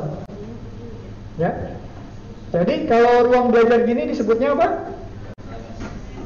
LMS. Pendaftaran di sana SIM pendaftaran. Kalau galerinya KMS. Jangan sampai bingung ya. Knowledge Management System. Kan dari ruang-ruangan sini tugas kelompok ini bagus banget. Kalau ditaruh di dalam kelas kan jelek. Pindahin ke bawah, taruh di display. Itu namanya KMS. Ya. Nah, teman-teman sekarang sudah wajib hukumnya ya kita bertransformasi ke layanan mobile. Udah jarang yang pakai laptop sama desktop, ya. Jadi harus ada di mobile. Semua layanan teman-teman e-learningnya harus ada di mobile. Sementara jangan lupa pesan sponsor, like, subscribe, follow akun WhatsApp saya, Facebook saya, Instagram saya, silakan materinya udah dipoto belum tuh? Kalau udah nanti saya bagikan. Nah, saya mau nutup materi saya di siang ini sebelum kita diskusi dan interaksi, teman-teman. Saya mau tutup dengan membacakan sebuah puisi dari Muhammad Iqbal, seorang filsuf Muslim dari Turki sana. Berhenti tak ada tempat di jalan ini. Sikap lambat berarti mati, mereka yang bergerak, mereka yang maju ke muka, mereka yang menunda-nunda sejenak sekalipun pasti tergilas. Jadi teman-teman silakan pilihannya di teman-teman mumpung masih hari pertama mau belajar atau nggak belajar, yang pasti di kantor saya di Pusdatin itu adalah ada istilah orang-orang begitu pandemi itu langsung dibagi dua, kebagi dua. Orang-orang yang berkualitas sering banyak panggilan, makin tambah banyak panggilan. Tapi yang nggak berkualitas, nggak pernah dipanggil-panggil. Ya, berkualitas dari segi substansi berkualitas, tapi begitu suruh ngajar zoom, mute unmute bingung, share screen bingung, kepanggil nggak? Nggak kepanggil, nggak kepanggil. Jadi teman-teman sekarang nih mumpung hari pertama silakan uh, kita berdiskusi. Kita sama-sama mudah-mudahan sampai tanggal 26 kita udah lulus itu udah ngomongin soal e-learning udah hatam lah. Kita udah paham. Monggo teman-teman silakan. Mana yang mau tanya? Silakan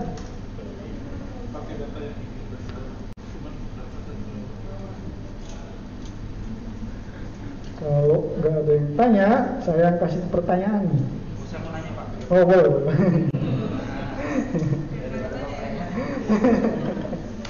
Baru mau saya tanya nih. Hmm. Ya, silakan Kang. Nah, izin Pak, eh, kalau mengajar terkait dengan edaran apa apa ya dari ya. Kalau online online begini cuma bisa dibayar maksimal 3 JP. Nah, bagaimana teman-teman di di sana atau Pak Ivan pengalamannya? Sementara kan praktiknya kita ngajar kadang Zoom itu bisa dari pagi sampai sore 10 jam tapi dibayar cuma 3 jam. Apakah ada seperti itu atau bisa dibayar 10 jam? Pengalamannya seperti apa? Ya, itu kejadian banget tuh yang awal-awal ya. Pokoknya maksimal. Jadi gini, sebenarnya ya. Maksimal 3 JP itu yang sinkronus. Yang sinkronus. Misalnya nih, yang dihitung dalam satu hari, sinkronusnya itu dihitungnya 3 JP. Dalam satu hari. Jadi 3 3 jam kita zoom. Itu dihitung. Kalau lebih dari 3 jam nggak dihitung. Ya, yang bisa dihitung nih dalam dari segi bobot gitu ya nanti ya. 3 JP-nya yang dihitung, ya 3 JP. Tapi dalam kenyataannya kita ada forum diskusi, ada segala segala macam. Iya. Tapi saat itu mereka menilainya begitu dari LAN. Itu dari LAN. Pokoknya sinkronisnya 3 JP. Cuma kan kita kembali ke sini dalam artian apakah benar dengan 3 JP sinkronus peserta bisa belajar efektif, e-learningnya bermanfaat kayak rancangan kita tadi. Kan belum tentu. Dia butuh ada yang memang pengen belajarnya mandiri, dia butuh belajar lebih tahu lagi. Jadi sama kami juga ngikutin akhirnya. Gak bisa juga kita untuk dari segi itu kan dari segi yang bisa dihitung gitu ya. Dari segi yang dihitung, yang gak dihitung banyak banget. Yang gak bisa dihitung banyak banget. Nah itu kalau kami di PTP kita konversikan itu ke jadi nilai dupak gitu. Kita lariin ke dupaknya. Jadi rancangan tadi di PTP itu rancangannya itu tuh itu beneran tuh itu dapat nilai rancangannya. Bikin rancangan gitu doang. Bikin rancangan gitu doang. Bikin rancangan ini tadi pakai Google Docs itu rancangan namanya? Iya itu namanya rancangan. Itu dinilai.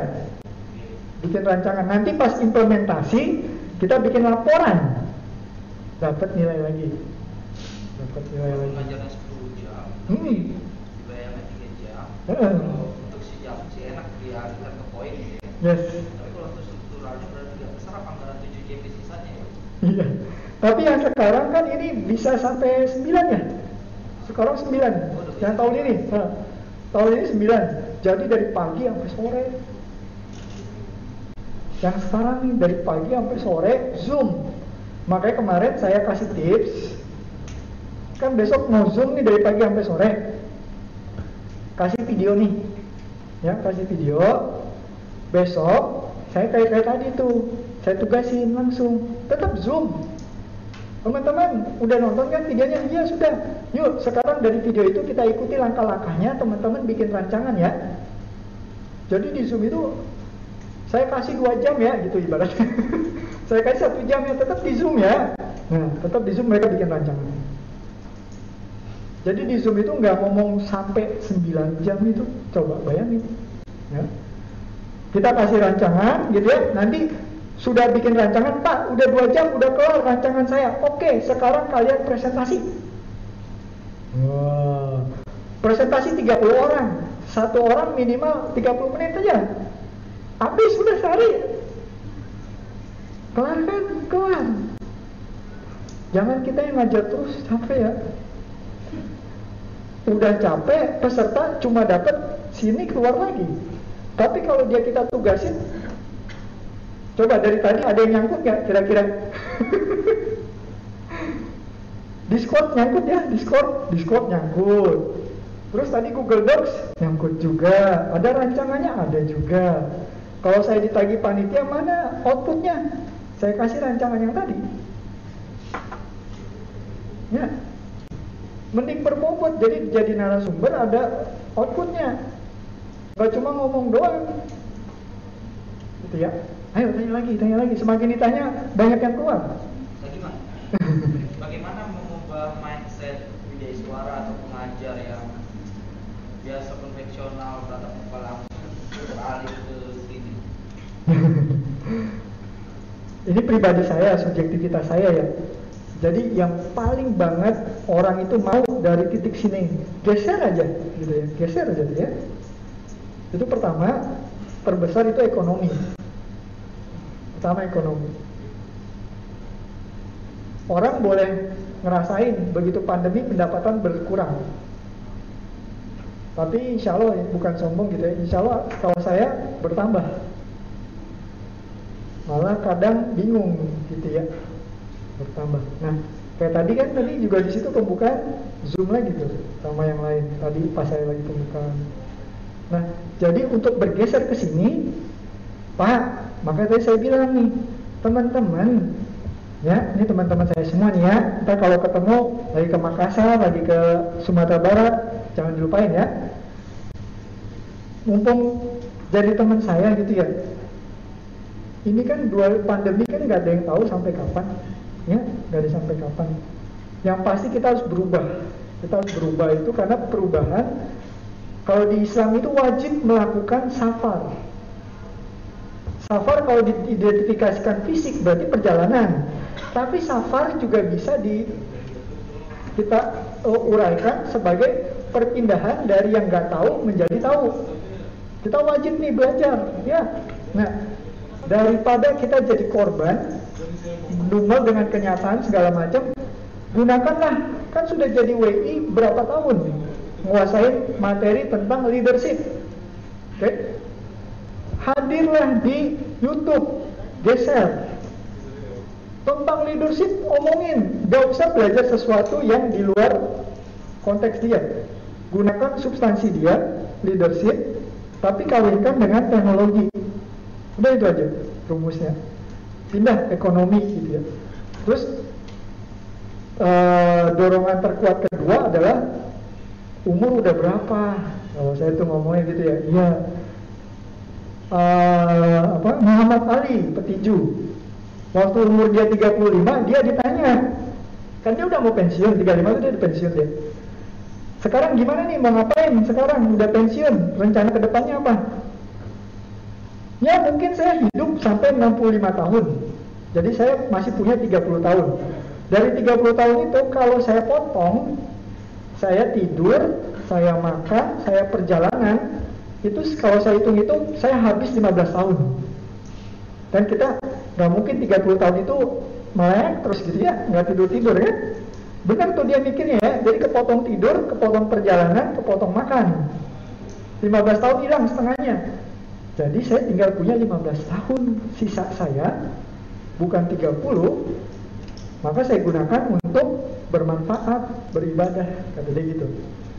Jadi sama Bapak Ibu para WI kalau mau ya, ya kalau mau gitu ya, ya bermanfaat buat orang di sisa-sisa hari akhir misalnya.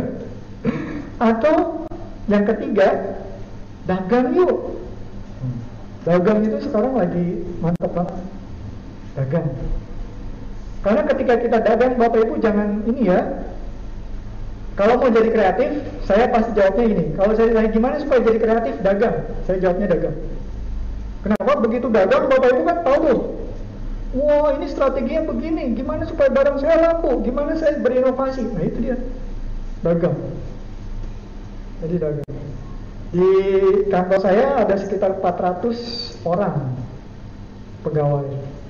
Yang kayak gini-gini ada sekitar 30 sampai 50. Tapi alhamdulillah yang dipanggil cuma satu ini aja. Jadi macam-macam. Ayo tanya lagi dong, tanya lagi. Nah, mangga saudara kita. Nah. Mau pakai ini?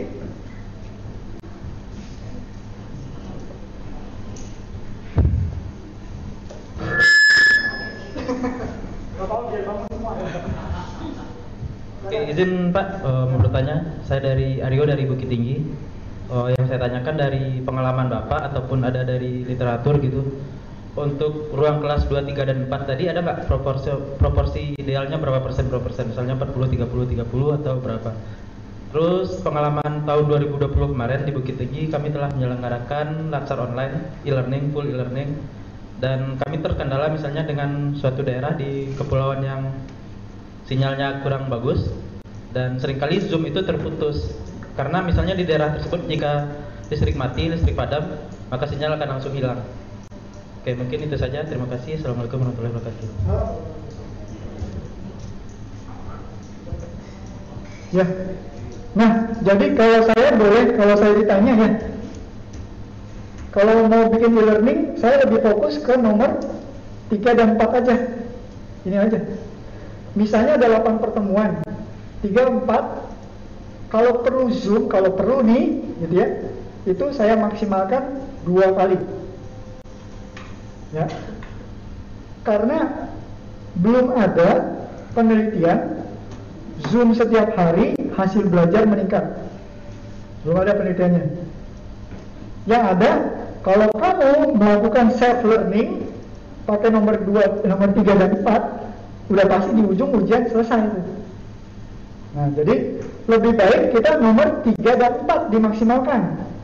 Kalau mata kuliahnya satu semester 8 kali pertemuan, cukup dua kali aja. Ya, dua kali jadi di tengah-tengah, gitu ya, antara tengah-tengah gitu ya, tengah-tengah. Bagi yang belum ngerti segala macam, besok ya kita janjian. Saya kasih kelas Zoom webinar. Waktu saya pakai buat pengemudi ojek online, Zoomnya juga enggak ini, enggak wajib, malah enggak wajib. Saya online loh ya, setiap hari Selasa sama Kamis dari jam 2 sampai jam 4 sampai jam setengah 4 saya online nih setiap hari kalau ada yang mau tanya, masuk ya. Kalau nggak mau tanya, nggak usah. Tuh, waktu saya ngajar ke uh, kelas itu, pengusaha digital. Kalau kita udah baca, kita udah ngerti, ngapain wajib Zoom? Gitu kan pertanyaannya simpelnya. Nggak usah diwajibin gitu kan. Nah, terus kalau pakai dua, tiga dan empat ini, berarti kan sinyal kan ini udah udah asinkronus ya yang penting dari malam udah mendownload pak, pas sinyal bagus. Pas pagi udah mendownload sinyal hilang. Nah kan belajar dulu. Nanti malam ngumpulin tugas pas sinyal naik lagi. Nah jadi gini, kami lakukan pembelajaran di Papua begini. Pembelajaran di daerah 3T kami hadir juga begini. Kita kirim hard disk. Hard disk kita kirim sono udah masuk bahan-bahan konten semua jadi kita zoom ya Bapak Ibu udah baca belum tuh kemarin? Udah Pak, ini gimana Pak tugasnya, ngerjainnya? Nah, jadi begitu Zoom yang ditanya gimana cara ngerjain tugas. Bukan nanya lagi, Pak, jadi definisi belajar itu apa Pak? Nah, itu cetek banget. Mengingat, ya, menghafal, itu cetek banget. Gak bagus. Ya, jadi yang ditanya how to. Keren ya? Ada lagi nggak? Ada lagi? Kalau nggak ada lagi, coba buka ini. Coba buka, saya mau tunjukin nih Discord itu buat apa sih? Saya mau bikin lihat saya ya. Saya lihat saya ini ya. Saya mau nambah channel, create channel, uh, voice, gitu ya. Voice apa? Oke, okay, voice.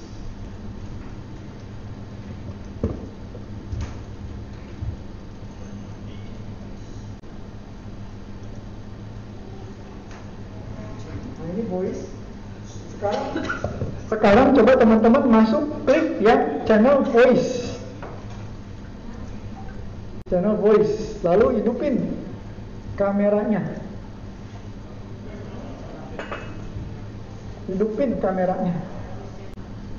Wah berarti sekarang kita lagi webinar nih ya kan?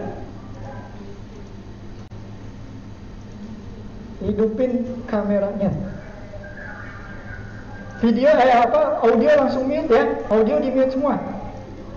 Audio langsung mute semua ya.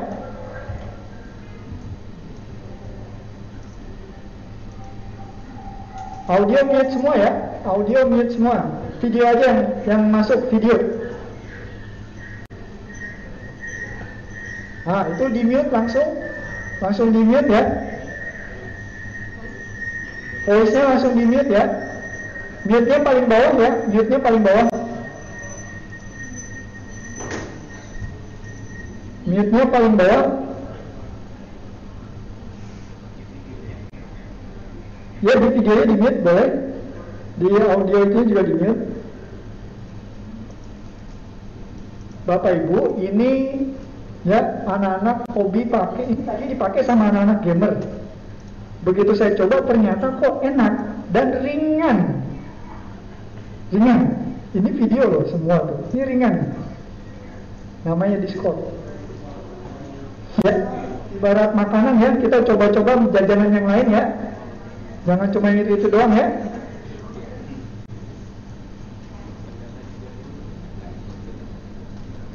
Saya bisa share screen juga ya. Di sini saya bisa share screen.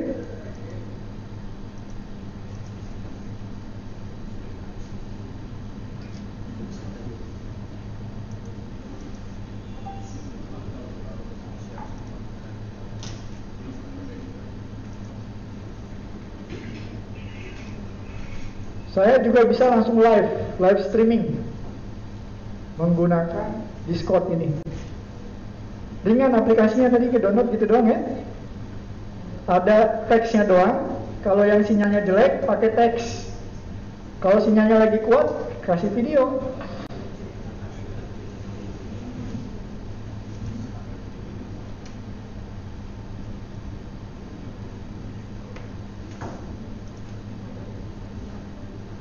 Ayo, ada yang mau tanya?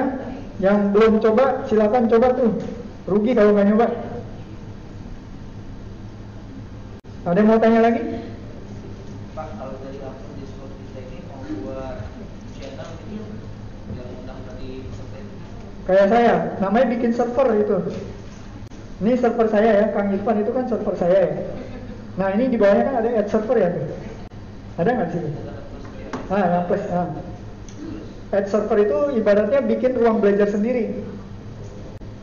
Ya, coba aja besok kita main-main lagi, ya. Add server. Hmm, create your own, betul.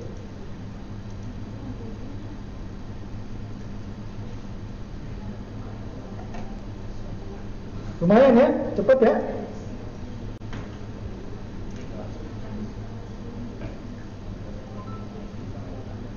Jadi forum diskusi kan tadi pakai teks, kita sebut lagi nanti tugas, bikin channel lagi tugas, kita bikin channel lagi materi, nah macam-macam tuh.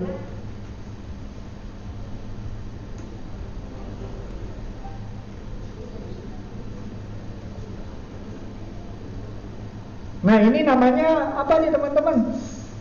Sinkronus apa sinkronus? Tuh yang lagi sekarang di Discord. Sinkronusnya apa? live streaming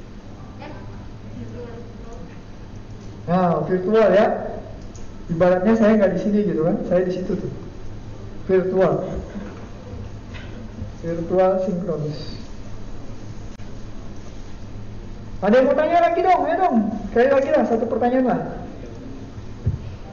Ada yang mau tanya? Ada Pak, kapan azannya Pak?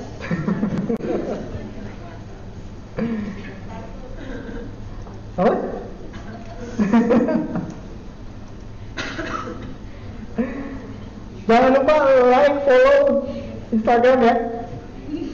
Instagram akunnya tadi? Akunnya Irfana Steviano ada kok.